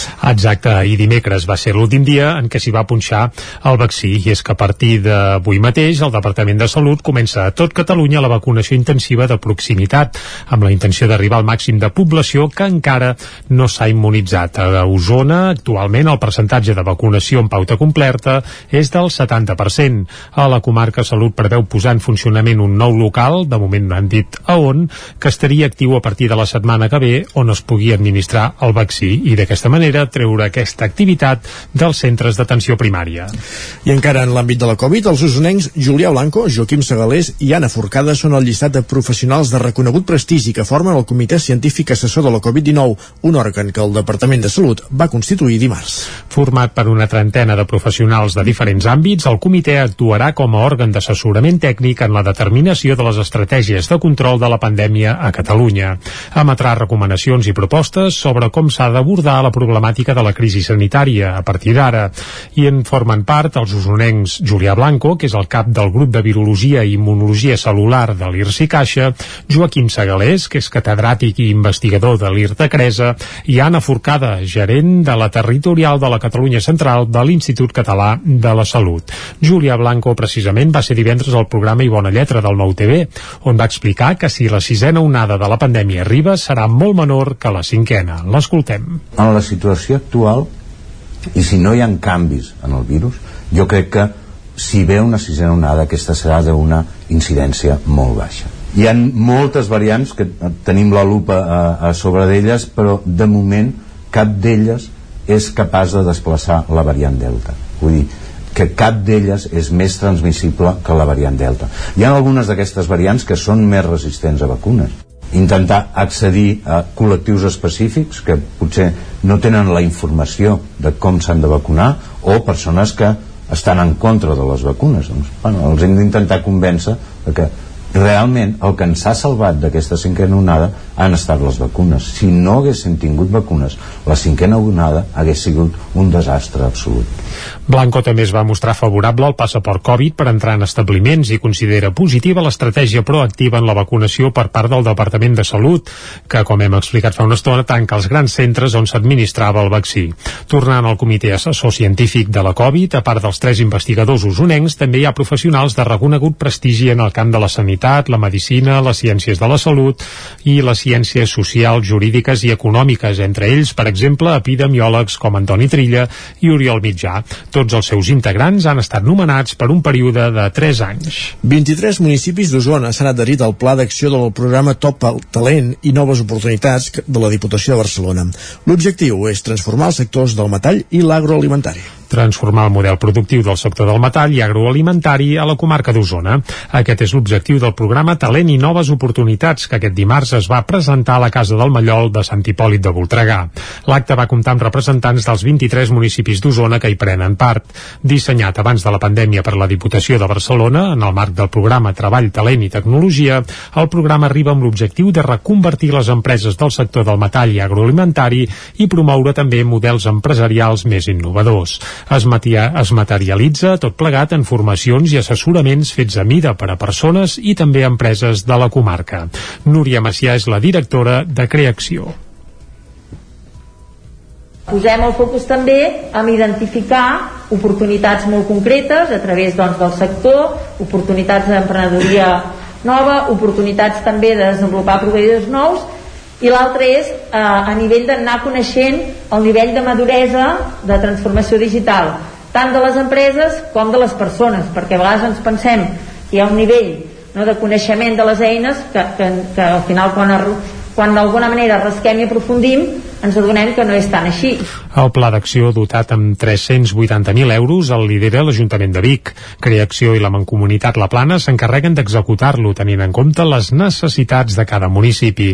Ho explica Anna R, alcaldessa de Vic la possibilitat de sumar els esforços de tots plegats em sembla que el que estem fent és una visió conjunta de que el que volem és que Osona sigui en el mapa doncs, d'aquesta doncs, Catalunya central una, una comarca eh, això que deia, preparada, que doni oportunitats i sobretot que l'anem capacitant eh, per aquestes noves tecnologies que ens estan venint. El programa va arrencar a principis d'any amb l'anàlisi de la situació dels sectors del metall i agroalimentari a la comarca. Un cop feta la diagnosi, ja s'han executat les primeres accions. A principis de mes, a GURB hi va arrencar un curs de soldadura i per aquest octubre ja hi ha previstos quatre cursos de digitalització. Vigues i Riells del FAI es gastarà 100.000 euros més en la reparació i millora de l'asfaltat de la via pública. Caral Campàs, des d'Ona Codinenca. Aquest mes d'octubre es donarà el tret de sortida a les actuacions de reparació i millora de la pavimentació a Vigues, que acabarà a finals d'any. El pressupost municipal d'enguany compta amb 100.000 euros que s'afegeixen als de les dues campanyes anteriors per tal de mantenir en bon estat el paviment dels carrers. Joan Galiano és alcalde de Vigues. Bueno, principalment és eh, per donar resposta a aquelles necessitats que detectem a la via pública, eh, ampliem la partida que ja hem destinat al llarg de l'any i incrementem en 100.000 euros més per fer-la d'octubre fins a desembre i fer aquells carrers que hem detectat que, pues, que encara s'haurien de, de millorar. Això forma part d'un pla, cada any destinem una partida pressupostària, sempre són al voltant dels 250.000, 300.000 euros, i enguany amb aquesta incorporació seran 320.000 euros que destinarem a fer el que seria l'arranjament d'aquests carrers que detectem que estan en pitjors condicions. Enguany també es licitaran les obres de l'Avinguda de Santa Eulàlia, on es farà una actuació integral de reurbanització per donar resposta a la situació actual d'aquest carrer. Paral·lelament, hi ha el carrer Santa Eulàlia, que aquest és un projecte que va a part, que ens entrarà en el projecte precisament a finals d'aquest mes, i que aquest serà un carrer que és de dalt a baix de tot el que seria el recorregut, voltant d'un quilòmetre i mig i que aquest està dotat d'uns 900.000 euros addicionals que aquí sí que afegirem perquè, perquè entenem que aquest carrer, que és una artèria principal del nostre municipi, s'ha d'arreglar. Durant el mes de juliol el consistori ja va començar a fer actuacions en alguns carrers del municipi com el barri de Can Regasol. Nova, nova edició de reconeixement als millors esportistes de Llinars del Vallès. Després d'un any sense festa per la pandèmia es va decidir no només premiar els que han fet un bon paper en la temporada 2021, sinó també l'anterior. Núria Lázaro, des de Ràdio Televisió de Cardedeu. La Pineda del Castell Nou de Llinars del Vallès va ser l'escenari d'una nova edició del reconeixement als i les millors esportistes de l'any. Entre els moments més emotius va destacar l'homenatge especial a alguns esportistes pel seu mèrit, esforç i sacrifici que els ha permès superar barreres complicades en aquestes dues campanyes. Aquest any han volgut fer una menció especial a totes les entitats esportives de Llinars per la gran tasca que fan al poble promocionant l'esport a totes les les edats, des dels més petits i joves als més grans, destacant que han mostrat una gran capacitat d'adaptació en els moments més complicats, mantenint el contacte amb els i les esportistes, inventant-se entrenaments des de casa per videotrucada, buscant les mil i una alternatives per l'exterior, tot per poder seguir gaudint del que més els agrada. A l'acte també es va presentar el logo d'esports de Llinars del Vallès, dissenyat per l'artista local Marina de les Fuentes, i el públic assistent va poder gaudir de diverses actuacions de dansa i balls de saló, entre d'altres. Gràcies, Núria. Acabem aquí aquest repàs informatiu. És un quart de dotze, moment d'anar a l'alegria interior. Serà tot seguit.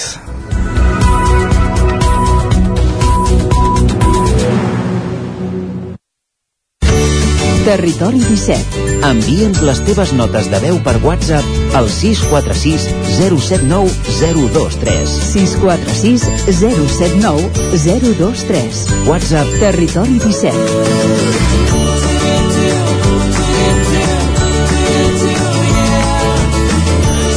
Territori 17. Som a Facebook, Twitter i Instagram amb l'usuari Territori 17.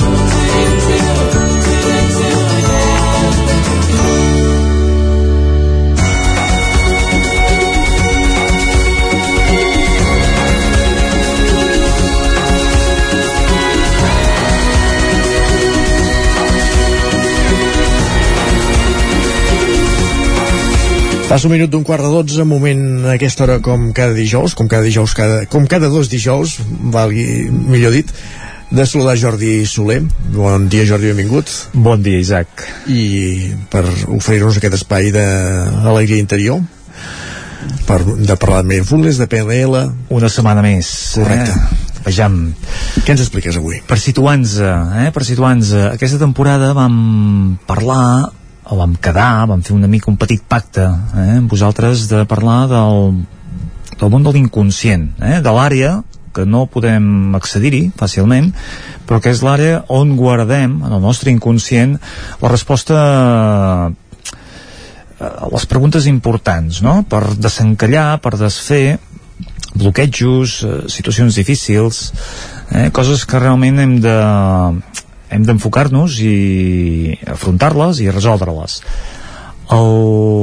l'inconscient en parlar que requereix un recorregut eh? sempre, sempre parlem d'un recorregut sempre parlem d'aquest petit viatge de la nostra situació actual en la que estem, que a vegades no ens satisfà del tot, a la situació desitjada eh? fer aquest camí eh? aquest recorregut una forma d'arribar a bon terme és enfocar-lo cap, a, cap a dins eh? no buscar respostes a fora buscar respostes a dintre cap a la nostra part més eh, difícil d'abastar que és el nostre inconscient i això ho fem travessant una mica aquesta capa entremig que en podem dir el preconscient, el subconscient, eh, que és una àrea a la que sí que podem accedir i que ens fa una mica de pont, eh, que ens fa d'enllaç per tant, doncs, bueno, en, amb aquest compromís eh, clar, en Jordi em comentava l'últim dia en parlàvem amb en Jordi de quines eines, de quins recursos, de quines solucions, no? Jo crec que el primer pas, el primer pas és ser conscients de que hem d'enfocar-nos cap, a, cap a aquesta àrea. Eh? Reconèixer, reconèixer que la resposta no la trobarem des de la ment. Si jo busco una resposta a un problema que em crea una addicció, difícilment ho trobaré en l'àrea, diguéssim, més racional meva. Perquè la meva àrea racional, la meva àrea, la, la part mental, l'hemisferi esquerra, moltes vegades em diu el que jo vull sentir. Eh? Em dona la resposta que jo vull escoltar, la que m'agrada, no la que em convé, no la que potser no és tan fàcil, no és tan agradable, però que em convé saber, no? Allò que dius, ostres, eh, dona'm les bones notícies. Bueno, les bones notícies eh, estan molt bé, però potser et convé saber les reals, no? les que, el que està passant, no? i a vegades no sempre és bo. Quan fem aquesta exploració cap a, cap a la part inconscient, és sempre intentant apetitar la part racional, la part mental, la que ens posa per anys, eh? la que ens diu allò que volem sentir, que ens justifica aquella actitud, aquella, aquelles decisions que ens agraden prendre però que no són les millors per nosaltres. Una addicció, per exemple, eh, tu, l'addicció activa llavors el senyor que fuma doncs, eh, doncs és molt agradable fumar llavors justificarà aquesta aquest acte encara que ho perjudiqui a nivell de salut no? llavors hi ha un, un petit debat entre dir mm, el que em convé és la meva salut, cuidar la meva salut, però el que m'agrada, caram, és eh, aquest moment de plaer, no? I el senyor que fuma, doncs, té mil intencions positives que l'empenyen a fumar el no reconèixer-les fa que estigui una mica vinculat a, amb aquesta addicció tu ja que ets d'addiccions o el tens superat, això? Tens tot el d'ordre, tot el dia? No, ma mai, mai les tens superades, aquestes coses. Uh, havia, com molta gent suposo que no som d'addiccions evidents o que les que tenim pensem que les tenim controlades, però en menor major mesura uh, en algun parany caus sovint, de tant en tant, no? Pots caure bé perquè mm, són les coses imperceptibles, són les coses de les que no som conscients les que més ens afecten, no? Segurament. Que tu m'estàs dient, no són coses evidents, però hi són. Val, doncs és un primer pas. Eh? Vull dir, és entendre que hi ha quelcom més del que ens diu la ment. La ment ens amaga el que no volem veure, que ens convé saber, però que, que, que ens, convé, ens convé veure, però que no ens ho ensenya, llavors dir, sí que hi ha alguna cosa allà dintre no? no sé què és, però sí que hi ha quelcom la nostra part inconscient ens dona resposta d'això. Doncs un senyor que diu, home, doncs vull tractar una addicció. Eh? Hem començat amb les addiccions, doncs vull tractar una addicció. Què haig de fer? Perquè jo vull deixar de fumar o vull deixar tal cosa, no? Entenc que el primer que s'ha de fer és reconèixer aquesta addicció, eh? Correcte, eh? saber que hi és. I posar la voluntat de voler fer un treball en aquest sentit. Uh -huh. Dir, la persona que diu jo estic fumant i estic molt feliç, cap problema vull dir, segueix uh, amb la teva actitud i, i potser arribaràs als uh, 90 anys eh? vull dir, o, o més no té per què ser una cosa dolenta per tu si consideres que allò t'aporta un benefici superior que et suposaria deixar-ho eh? vull dir que per tant, hi ha d'haver la voluntat, hi ha d'haver el reconeixement i a partir d'aquí començar un recorregut i aquest recorregut, com hem dit abans si el fem cap a l'exterior i això és una causa externa és l'entorn, és l'estrès clar, és que tinc una vida tan atrafegada que necessito fumar per evadir-me necessito fumar per descarregar-me d'això, és que si no fumo, buf tot serà més difícil, no? Clar, quan posem o, o, o donem el poder a un element extern, difícilment ho podrem resoldre. Quan nosaltres ens fem amos d'aquesta situació, i el que ens convé és trobar el camí, eh, fer aquest camí, fer aquest recorregut cap a dintre, ja ens enfoquem, ja ens dirigim, ja hem fet el primer pas d'un seguit de passos que hem de, que hem de resoldre, no? Doncs aquí en aquest punt si ja hem fet aquest primer pas és dir, cerquem la intenció positiva que t'aporta aquesta, aquesta actuació, aquesta actitud, no? Vull dir, què et dona de bo a l'acte de fumar, hem començat amb el fumar, doncs seguim amb això, no? Què t'aporta de bo? Aquí hi ha moltes resistències, perquè hi ha la ment, no? I la ment que ens diu? Doncs, bueno, ens diu que no hi ha cap intenció positiva, que fumar és dolent, que perjudica la salut, que ja ho sabem, però que no ens en podem desfer. Això és una resposta habitual, eh? Vull dir que sé que és dolent, i aquí apareix aquella màxima del voler és poder. O voler és poder. Bueno, el voler és el primer pas eh? el voler és poder, sí. És que si no hi ha aquesta voluntat difícilment seguirem endavant. Vull dir que el voler és poder quan més fort és aquesta voluntat més fàcil és eh? vull dir que hi ha gent que té molta voluntat i que amb això sol se'n surten. eh? vull dir que amb això sol ho superen perquè hi ha gent que decideix fer un canvi i acaba amb èxit vull dir, n'hi ha no, tothom té eh, aquesta voluntat i aquesta fermesa i aquesta constància que es requereix perquè sí que és veritat que hi ha gent que diu he deixat de fumar però és que m'és molt difícil no? és que és un, és un esforç, és un sacrifici jo cada vegada que comparteixo espai trobo faltar Clar, des d'aquest punt de vista jo diria que tampoc és viure vull dir que s'ha fet un pas, està bé, però no seria la, la forma òptima, no? Vull dir, la forma òptima és decidir, posar-hi aquesta voluntat i poder-ho poder-ho convertir, no? poder passar una situació, diguéssim, acceptable en la que no fumar doncs, sigui igualment agradable com ho podia ser la situació anterior. No? Per tant, trobar aquesta intenció positiva és el primer pas i la ment sabem que és una mica la nostra contrincant. Eh? La ment ens diu coses que són molt evidents però que ens ens despisten, eh? ens desvien del camí no? ens diu, sí, sí, molt bé vull deixar-ho de fer, ja ho reconec però no sé com fer-ho el que t'està és entretenint per afrontar realment la teva, la teva, el teu impuls interior que t'empenya a dur aquest acte de forma repetitiva llavors accedir al teu inconscient prescindint de la ment et pot ajudar a trobar un missatge, una pista, un indici, un impuls, que és el que realment hi ha darrere de l'acte de fumar. No? Vull dir que ara aparentment dius, ostres, jo fumo, què m'empeny? Doncs mira, la meva vida trafegada, això és ment. Eh? Vull dir que l'addicció a la nicotina, això és ment. Sabem que aquest tipus d'addicció química es pot contrarrestar amb altra química, hi ha pastilles, hi ha sistemes, eh? per... sabem que hi ha un període de, de transició de 3 setmanes, 4 setmanes, que si superem això, doncs ja ho superaríem. Per tant, aquestes solucions són ment. La pregunta del milió és com s'hi accedeix, no? En aquesta segona part, entendre'ns? Aquesta segona part trigarem jo diria que tota aquesta temporada a resoldre-ho. No, diguem un minut i mig que tenim no, no ho resolem pas, eh? Sí, però saber que hem d'anar a buscar aquí és important. Saber que la intenció positiva és el que ens empeny a fer una, un acte que, que no ens afavoreix és important. Saber que podem accedir a aquesta part inconscient també és important. Llavors, saber que no és una cosa d'un minut, cal ser realista, eh? cal posar-hi voluntat en tots els sentits, no només en dir vaig a deixar l'addicció, sinó vaig a fer un treball cap a dintre, en el qual no trobaré això, trobaré això i potser més coses, no? Perquè en el moment que t'enfoques cap a una àrea desconeguda, això de l'àrea del conscient o l'inconscient eh, sempre simbolitza amb l'iceberg, no? L'iceberg mostra la part visible, la part superficial, que és la part de la nostra consciència, la part que veiem, i l'inconscient és immensament més gran. I esclar, accedir a aquesta àrea, accedir a aquesta àrea no és fàcil. Llavors és el treball que anirem fent, eh, setmana rere setmana, conjuntament per conèixer, per conèixer-nos eh, i poder, poder avançar en aquest camí. Doncs anirem eh, capbussant-nos a l'inconscient cada 15 dies eh, en aquest espai de l'alegria interior. Gràcies, Jordi, per ser un dijous més amb nosaltres. A vosaltres.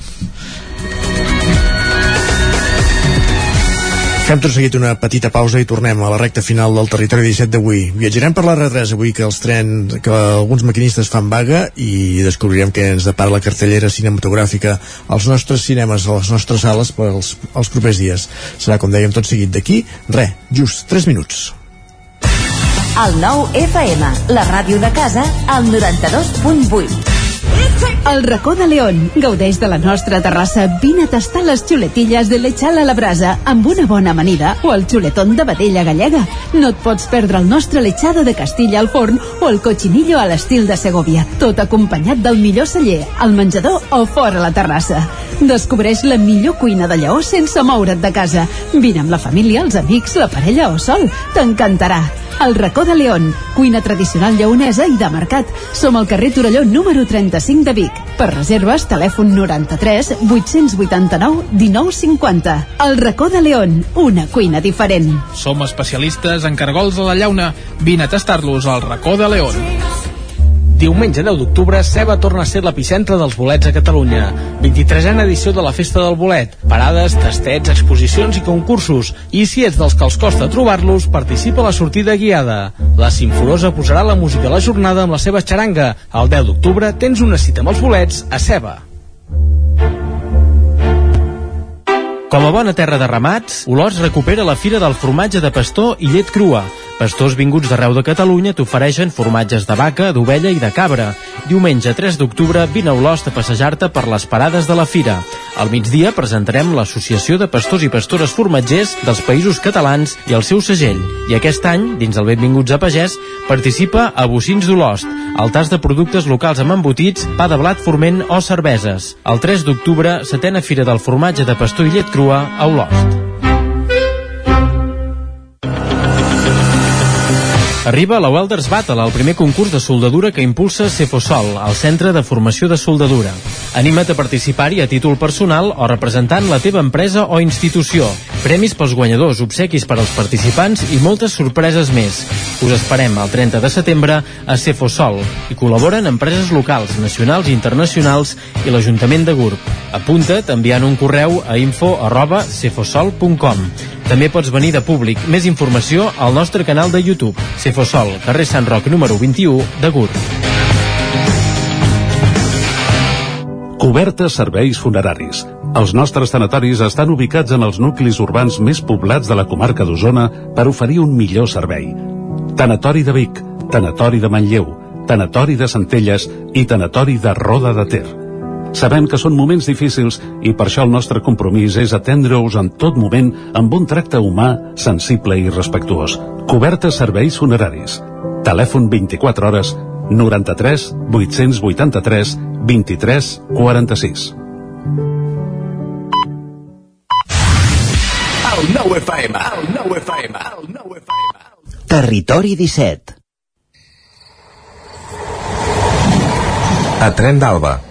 Cada dia els usuaris de la línia R3 de Rodalies que veuen sortir el sol des d'un vagó ens expliquen les gràcies i les penes del primer comboi que uneix Ripoll i Barcelona.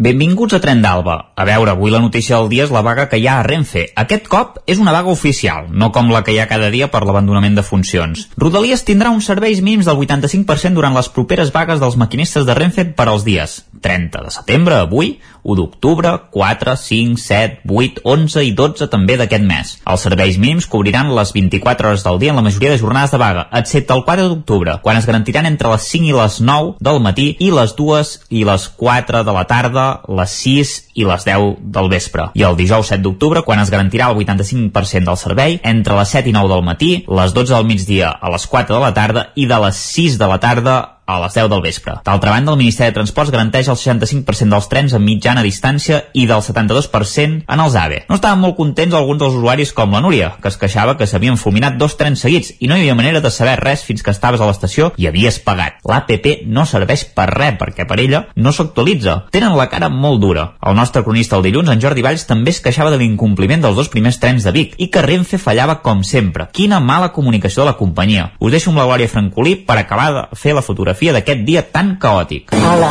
molt bon dia. Aquí la Glòria des de Barcelona, perquè avui el tren que havia de sortir a les 5.54 de l'estació de Torelló no ha arribat. Ja us vaig dir jo la setmana passada que era molt extraordinari que cada dia passés el tren a l'hora que estava prevista, més o menys. Però avui a les 6 en punt ja ens han dit que el tren no passaria i que ens espaviléssim totalment estil Renfe, clar. Llavors el que hem fet, amb, a l'estació érem bastanta gent, avui érem una trentena de persones i una desena hem decidit en agafar un autobús que passava 20 minuts després també per davant de l'estació, que això en aquest sentit ens ha anat bé. Llavors un cop hem sigut a Vic, que hem arribat a les 7, eh, just al cap de... De fet hem arribat a les 6.52 o 6.53 i a les 6.55 sortia un altre bus cap cap de Sagrera. Hem agafat aquest altre bus, en aquest moment ja dels 30 que érem a l'estació, 3 hem agafat aquesta opció per entendre'ns i sí, sí, hem arribat a les, 7, a les 8 en punt a Barcelona i ara he agafat metro i ja soc a l'estació de Sants, de manera que en realitat he arribat una hora tard del que hauria arribat. Clar, jo penso que això de les vagues per descomptat tothom n'ha de poder fer però el que no m'ha agradat és que tot i que en els avisos de que hi haurà vaga t'indiquen que et miris la pàgina web o la o no sé més la veritat és que jo potser perquè era molt mal al matí i la veritat no estava d'humor. A l'app jo hi he vist tots els trens que surten sempre de Torelló i a la pàgina web l'únic que hi he vist és que podria haver-hi afectacions durant tot el dia però en cap moment especificava quins trens estarien disponibles per viatjar. Així que vaja ah, com sempre Renfe sempre falla amb absolutament tot menys el dia que va puntual que això ja sabem que va ser la setmana passada i ja no hi tornaran a i però una de les coses que per mi falla més és amb la comunicació amb, amb les persones que fem servir tren. Per mi això és el més garrafal i el més estúpid per altra banda perquè sí, com a mínim si saps que tens problemes i que en tindràs explica-ho saps? I dona alternatives o digues, doncs mira, sí, hi haurà quina mala sort, tenim aquests paios que diuen que fan vaga, d'acord? Sapigueu que aquests trens, com a mínim aniran segur. Que això jo és el que havia vist sempre que hi havia hagut una vaga. No sé per què, de veritat no sé si és que no he sabut veure jo i dir que sí que està publicat i llavors jo ja no diria res més però de veritat que he estat una bona estona uh, entre les 6 i les 7 del matí i, i no ho he trobat. En fi, jo ara ja soc uh, pràcticament a l'última part del viatge arribaré encara falten 20-25 minuts per arribar sí que un dia que volia aprofitar per arribar a l'oficina arribaré com sempre. Però forçaré matinal això sí que ha sigut una gran sort. Va vinga que tingueu un bon dia. No afegiré res més avui, crec que ja ha quedat clar que Renfe és un desastre. Va, ens retrobem demà amb més històries del tren i de la R3. Territori 17 El 9 FM, la veu de Sant Joan, Ona Codinenca, Ràdio Cardedeu, Territori 17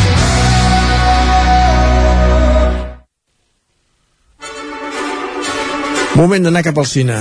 I ho fem com cada setmana amb en Joan Garcia.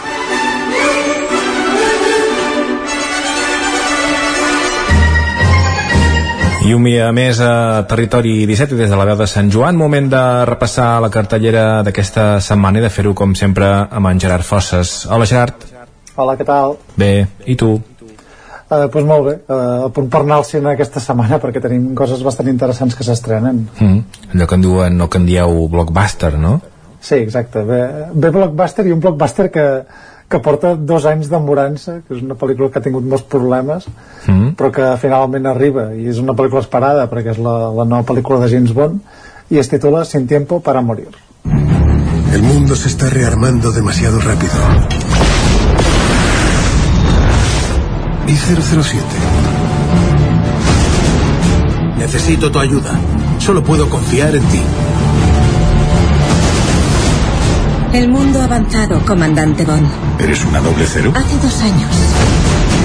Tú a lo tuyo. Si te interpones en mi camino, te meto una bala en la rodilla. En la buena. Creía que congeniaríais. No. Molt bé, jo, abans de començar la secció t'ho comentava fora d'antena que jo eh, passe, trauré a passejar la meva ignorància eh? però, però és a dir, cada James Bond, cada actor diferent que hi ha hagut representa que és una persona diferent. No és pas sempre la mateixa perquè si no no tindria cap mena de lògica no, uh, no, no estaria tan jove en, en... Uh, no, en absolut. De fet és, és, James Bond és un personatge temporal sempre ha estat el, el mateix. Mm. el que passa que viu en èpoques diferents. Mm. um, és com, no sé, com, com un Batman, per exemple, que sempre és un Batman, diguem, de, del moment present i ha passat diferents èpoques, la tecnologia és diferent i tot plegat, doncs aquí una mica el mateix. Uh, James Bond és un personatge de la Guerra Freda, que, és, que, que ve de les novel·les, i diguem que s'han adaptat al, al, als seus diferents moments però sempre ha estat el mateix personatge exactament mm, o sigui, representa que és la mateixa persona no és que hi hagi una gent que li digui, el que li diguin 007 que jubili i en vingui un altre no? sempre és, no. representa que és la mateixa persona sempre és el mateix que ha combatut a la Guerra Freda i, mm. i, bueno, i a la Segona Guerra Mundial perquè és exmilitar i, bueno, i a l'època actual mm. uh, sí que és veritat que, que aquesta saga de, de Daniel Craig um, han fet com una cosa estranya perquè és com una mena de reinici de tota la saga James Bond i hi ha com un reinici del personatge de fet el Casino Royale era com, com els inicis i, i al llarg de les següents pel·lícules aquesta serà la cinquena o la, no, la cinquena eh, doncs diguem que és, que és com una història pròpia que, que han fet servir com per fer una mica de, de remake de, dels grans hits de la saga de James Bond no? per exemple l'últim apareixia aquesta organització criminal Espectre i, i en aquesta pel·lícula fan el, el tancament hi ha una mica aquest revisionisme de, de què significava el personatge fa molts anys de, de com s'ha transformat fins ara i aquesta barreja de, de modernitat i antiguitat no? però per exemple com adaptant gens bon el, als nous temps o sigui, sense anar més lluny per exemple uh, una de, de les guionistes d'aquesta nova pel·lícula és uh, Phoebe Walter-Bridge eh, que és de la sèrie Fleabag, per exemple, que és, que és com un to completament oposat a, al, al que James Bond, no? En una, època, una cosa molt més moderna, de, de tall més feminista, més obert, mm. amb molt tracte de personatges humans, que sempre James Bond ha sent molt pla, doncs aquí s'intenta explorar una mica això, no? Aquesta humanitat del personatge. Mm. Si et sembla, escoltem un altre fragment del tràiler? Endavant. James Bond. Así que no estás muerto. Q te he echado de menos. Es el activo más valioso que tiene este país. Si ves que pierdes el control, no voy a perder. El control. James, lo dejaste és on volia arribar, eh? però, però més endavant això, sí que, sí que la pregunta que et feia, que podia semblar estúpida i com ho has explicat també va una mica d'això, de l'evolució de, del personatge i aquí també eh, potser van, van una mica endins, no? no és un personatge tan, tan pla com, com, com en altres pel·lícules, no?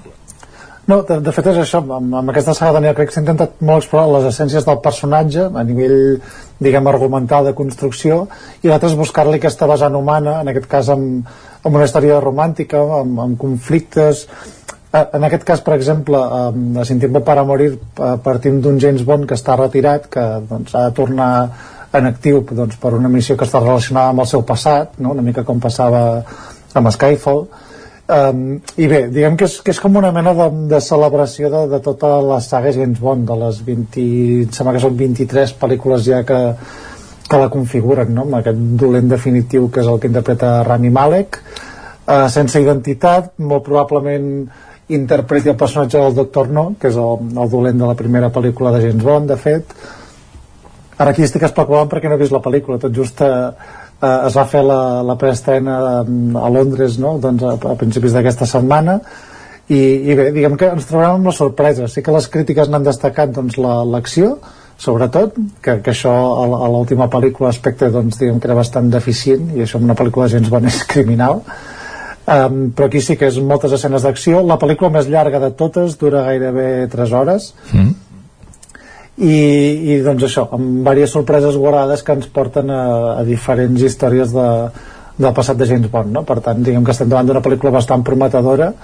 I ja et dic, eh, ha tingut molts problemes ja perquè van canviar de, de director. Al principi l'havia de fer Danny Boyle. Eh, amb el rodatge ja començat van canviar el director, ara és Kari Fukunaga del director de la primera temporada de True Detective. Segurament és la seva obra més coneguda Uh, i a més a més amb aquests dos anys de retras de l'estrena per culpa de, de la Covid no? i aquesta insistència de voler fer una estrena mundial amb sales no? com s'havia fet sempre mm i clar, ja, és allò que ell dubte no saps si la pel·lícula és obsoleta o no però segurament el, els cotxes i els rellotges i els telèfons mòbils que acostumen a posar de product placement sí que ja estaran descatalogats però bueno mm. i per cert que cada vegada que, que surt una pel·lícula de, de James Bond sembla que sigui la última d'aquest actor de d'en Daniel, Daniel Craig. Craig ho és o no aquesta? Sí, aquesta sí que és l'última ja definitivament mm. i de fet suposo que a principis de l'any que ve o així ja s'anunciarà qui, qui serà el que el substitueixi perquè òbviament eh, aquesta franquícia no pararà perquè sempre ha donat molts diners i, i, és, i és atemporal per tant seguirà fins que, fins que vulgui mm. i va haver-hi debat eh, en el seu moment de qui hauria de ser el següent actor o actriu perquè doncs, deien que vés a saber no? que, que s'havia de ser obert no n'hi ha hagut cap negre que hagi fet de, de 007 cap actor negre, per tant que també podria ser una possibilitat, no? I... Sí, de, de, de moment eh, aquí sí que es posen a jugar perquè hi ha una, una actriu negra que ara em perdoneu perquè no, no recordo el nom, em sembla que és la Shana Lynch que, que, que és la que ocupa el rol de 007 no? que és aquest, aquest número d'espia de, que sempre ha tingut James Bond perquè clar, ell, ell està retirat. I que estan fent una mica el joc um, de, de buscar-li aquest relleu generacional que no crec que es tradueixi amb, amb, amb, amb el personatge principal de futures pel·lícules però bé, ja ho veurem. Uh, sempre al final això tira molt per criteris de màrqueting i, i no es pot saber. Mm -hmm. molt bé, doncs seguim Uh, seguim amb la següent, que ja anem un canvi de registre total, aquí anem a cinema 100% d'autor i a més un autor que a mi personalment uh, m'encanta per la seva irreverència. Um, i estem parlant de Paul Verhoeven que és, és conegut sobretot per la seva època americana en pel·lícules com Desafio Total com Robocop um, com Instinto Básico per exemple, entre d'altres. I ara ve amb una mena de thriller eròtic situat a, al segle XVII a Itàlia i en un convent de monges la pel·lícula es titula Benedetta Jesús me hizo esto son estigmas Jesucristo ha elegido a nuestra hermana Santa Benedetta Benedetta, ¿me ve desesperado por creer en ese milagro? Me parece que usted no lo admite. ¡Acogedme! ¡Acogedme! ¿Cómo te llamas? Sor Benedetta. ¿Y tú? Bartolomea. Casi me caigo. ¿Sor Benedetta? Dios ha puesto a esta joven en tu camino. Hay que manejarla con mano dura, la cual no tengo. No, si no ho ha vist, però aquesta Beneta es troba amb la situació de que una noia, mentre s'està dutxant, eh, la Beneta és una, és una monja, mentre s'està dutxant, cau i ella para les mans perquè no caigui, li toca els pits, i aquí sembla que es desperta alguna cosa entre elles, eh? Sí, De fet la, història per aquí no? És, de fet està basada en una novel·la que parla d'una d'una lesbiana a l'edat mitjana això en un convent de, de monges um, i, i diguem que Paul Verhoeven juga molt aquí al, a, a, a la sàtira, que és una mica els seus codis. Ell sempre ha fet mm, pel·lícules moltes vegades lligades al gènere, digue-li fantàstic, thriller, eh, terror, acció, eh, ciència-ficció, etc.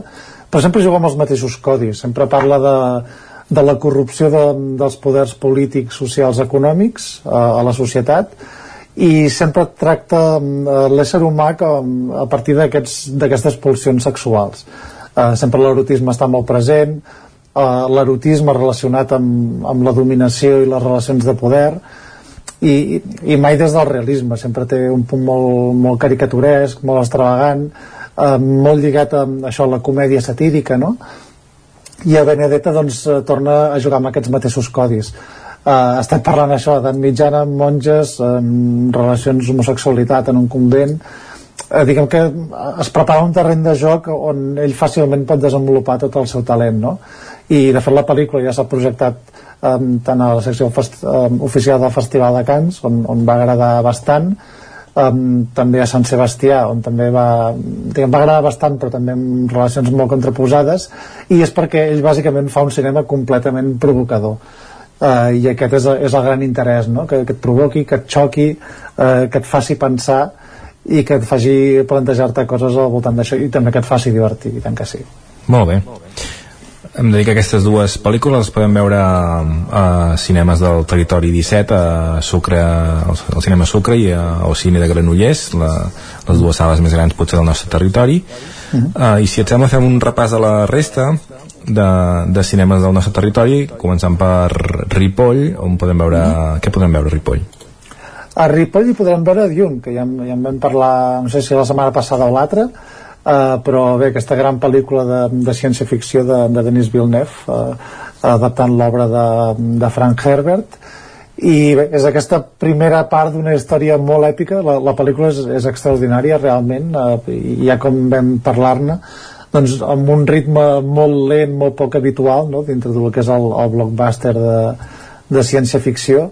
Eh, i a més a més amb, amb punts de guia molt interessants i sobretot molt, molt interessant a, a través de, de la direcció i visualment és una pel·lícula realment deliciosa i que recomanem a la gent de Ripoll que la vagi a veure. Al Casal Camprodoní, dissabte 2 i diumenge 3 hi haurà Xavala, sessió de tarda a les, 4, a les 6 perdó, de la tarda i sessió de nit a les 10, a les 10 de la nit. Mira, Xavales es va poder veure precisament a, a Ripoll aquest cap de setmana Um, I és una pel·lícula de, de Carol Rodríguez, pel·lícula espanyola, que es va presentar aquest any també al Festival de Màlaga, i, i bàsicament és una història de, de quatre noies que, que, que, que, eren inseparables de l'adolescència, es trobaven una mica amb una edat més avançada, estem parlant de, de la vintena d'anys, no? quan diguem, aquest traspàs de l'adolescència a l'edat adulta, i diguem que posen una mica a prova la, la, la seva amistat dintre d'aquest context canviant. No? Uh, també és una pel·lícula que tracta molt aquesta diferència entre el que és una ciutat, el que és el centre i el que són les barriades, des d'un punt de vista una mica xoni també, uh, no ho dic en cap mal sentit, que és, perquè és així, mm -hmm. és una mica el toc a buscar la pel·lícula, uh, i és una, una bona pel·lícula això de història d'amistat en, entre noies. Molt bé. Al cinema Catalunya de Ribes, jo la busco.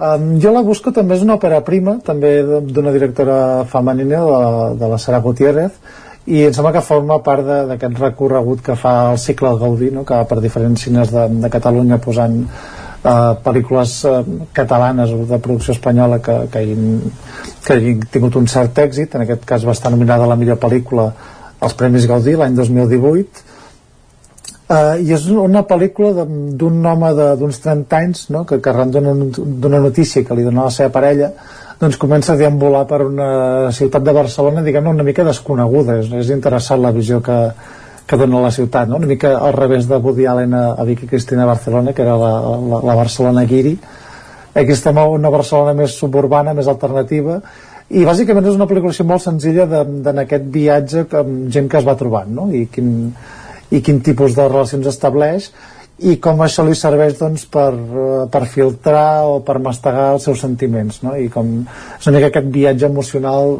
dins del desconcert cap a, a prendre una decisió important a la vida. Molt bé, es podrà veure el dissabte a les 7 de la tarda a l'Esbarjo de Cardedeu Siempre Contigo. Uh, Siempre Contigo. Aquesta pel·lícula va, ve d'Israel um, va tenir un, un cert recorregut a, a l'any 2020 no, no, no s'ha vist massa Um, I és una, una pel·lícula una mica que recorda el, el ladrón de bicicletes, eh, aquesta pel·lícula mítica de, de Vittorio de Sica, uh, bàsicament a l'estructura, perquè són un pare i un fill, que el, el nen és, és autista, um, i, i comencen un, un viatge en bicicleta per, per carretera, uh, bàsicament per, per no separar-se, perquè el nen bueno, ja està començant a arribar a l'edat adulta, i em sembla que ha d'entrar una mena de centre especialitzat i no, i no, no, no estan en el moment de separar-se no? i el que decideixen doncs, és fer aquest viatge uh, i és una pel·lícula que, que, que s'aborda d'una manera molt realista per això també aquesta relació que se li ha donat amb el, amb el neorealisme italià uh, però també molt, molt a través de, de la comèdia costumbrista o sigui, és una pel·lícula que parla de, de temes complexos i d'emocions complexes però fa molt a través d'un to no? una mica com, com Chaplin amb la pel·lícula de, del Checo també un altre clàssic per comparar-ho Uh, però bé, aquí parlem d'un cinema ja més exòtic però una mica amb aquests ingredients també. Al final el cinema israelià no dista tant del cinema mm, europeu més independent. Molt bé, el 30 de setembre, 1, 2 i 3 d'octubre, a les 8 del vespre, menys el diumenge, que és a les 7 de la tarda, eh, repetim, el, el cinema Esbarjo de Cardedeu, i per acabar el cinema Casal de Gràcia de Manlleu, el diumenge 4, La Inocencia. Uh, mira, una altra pel·lícula de, Ho dit de producció cast- espanyola Sí, ho he, dit, ho he dit en castellà i justament ho he dit en català perquè és del cicle Gaudí també, La Innocència.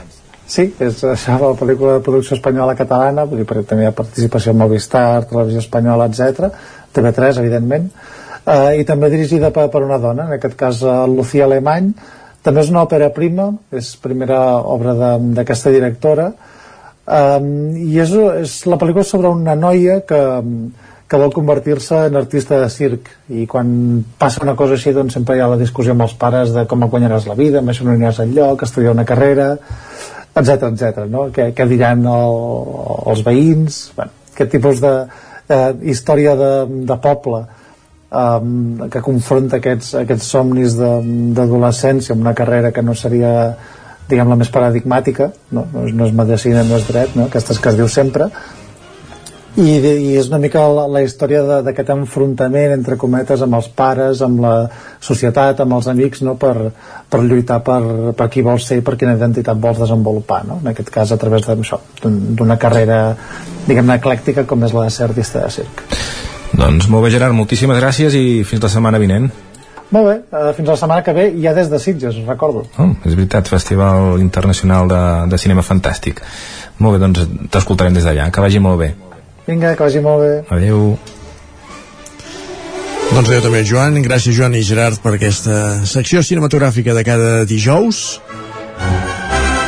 I ara és el que, el que farem és una d'aquelles recomanacions musicals que desvetllàvem la setmana passada. Soc en Jordi Ballesteros, un músic de Candavano. Toco piano, acordió, saxo, clarinet, flautes, fluviol. Eh, Estic en diversos sectors. He treballat des de, des de la música pop, el jazz, el rock, la música tradicional. Us podria recomanar una cançó que es diu Som de llum, dels Catarres.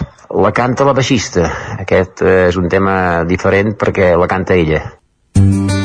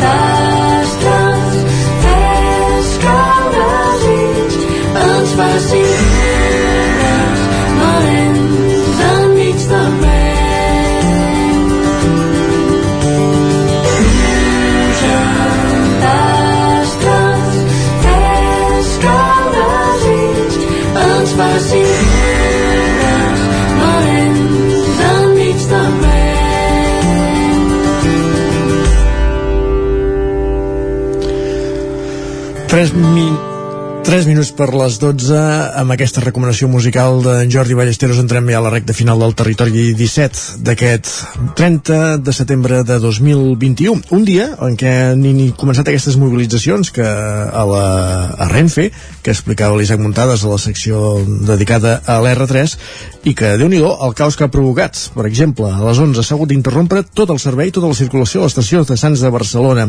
Els trens que hi han arribat de diferents línies s'han aturat i han fet baixar els passatgers, dient-los que no hi havia relleu de maquinistes. Segons Renfe, uns 40 minuts després, han començat a circular alguns trens amb comptagotes, però han admès que encara hi ha retards molt importants a tota la xarxa. Eh, val a dir que aquesta vaga eh, no és avui només, que continuarà en els propers dies. Està convocada també per demà, pels dies 4, 5, 7, 8, 11 i 12 d'octubre. Veurem com evoluciona tot plat. I nosaltres, com dèiem, ara sí ja som a la recta final del programa. Últim minut, només per acomiadar-nos. Caral Campàs, Núria Lázaro, Isaac Muntades, Guillem Sánchez, Guillem Freixa, Maria López, Jordi Soler, Gerard Fosses, Joan Garcia, Jordi Sunyer, Isaac Moreno. Us hem acompanyat des de les 9 del matí. Us diem adeu-siau i que acabeu de passar molt bon dijous. Fins demà a la mateixa hora, a les 9.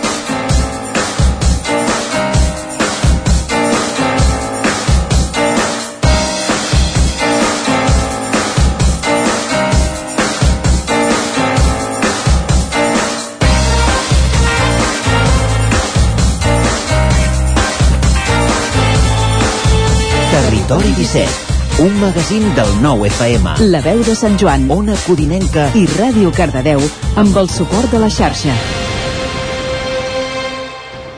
El nou FM.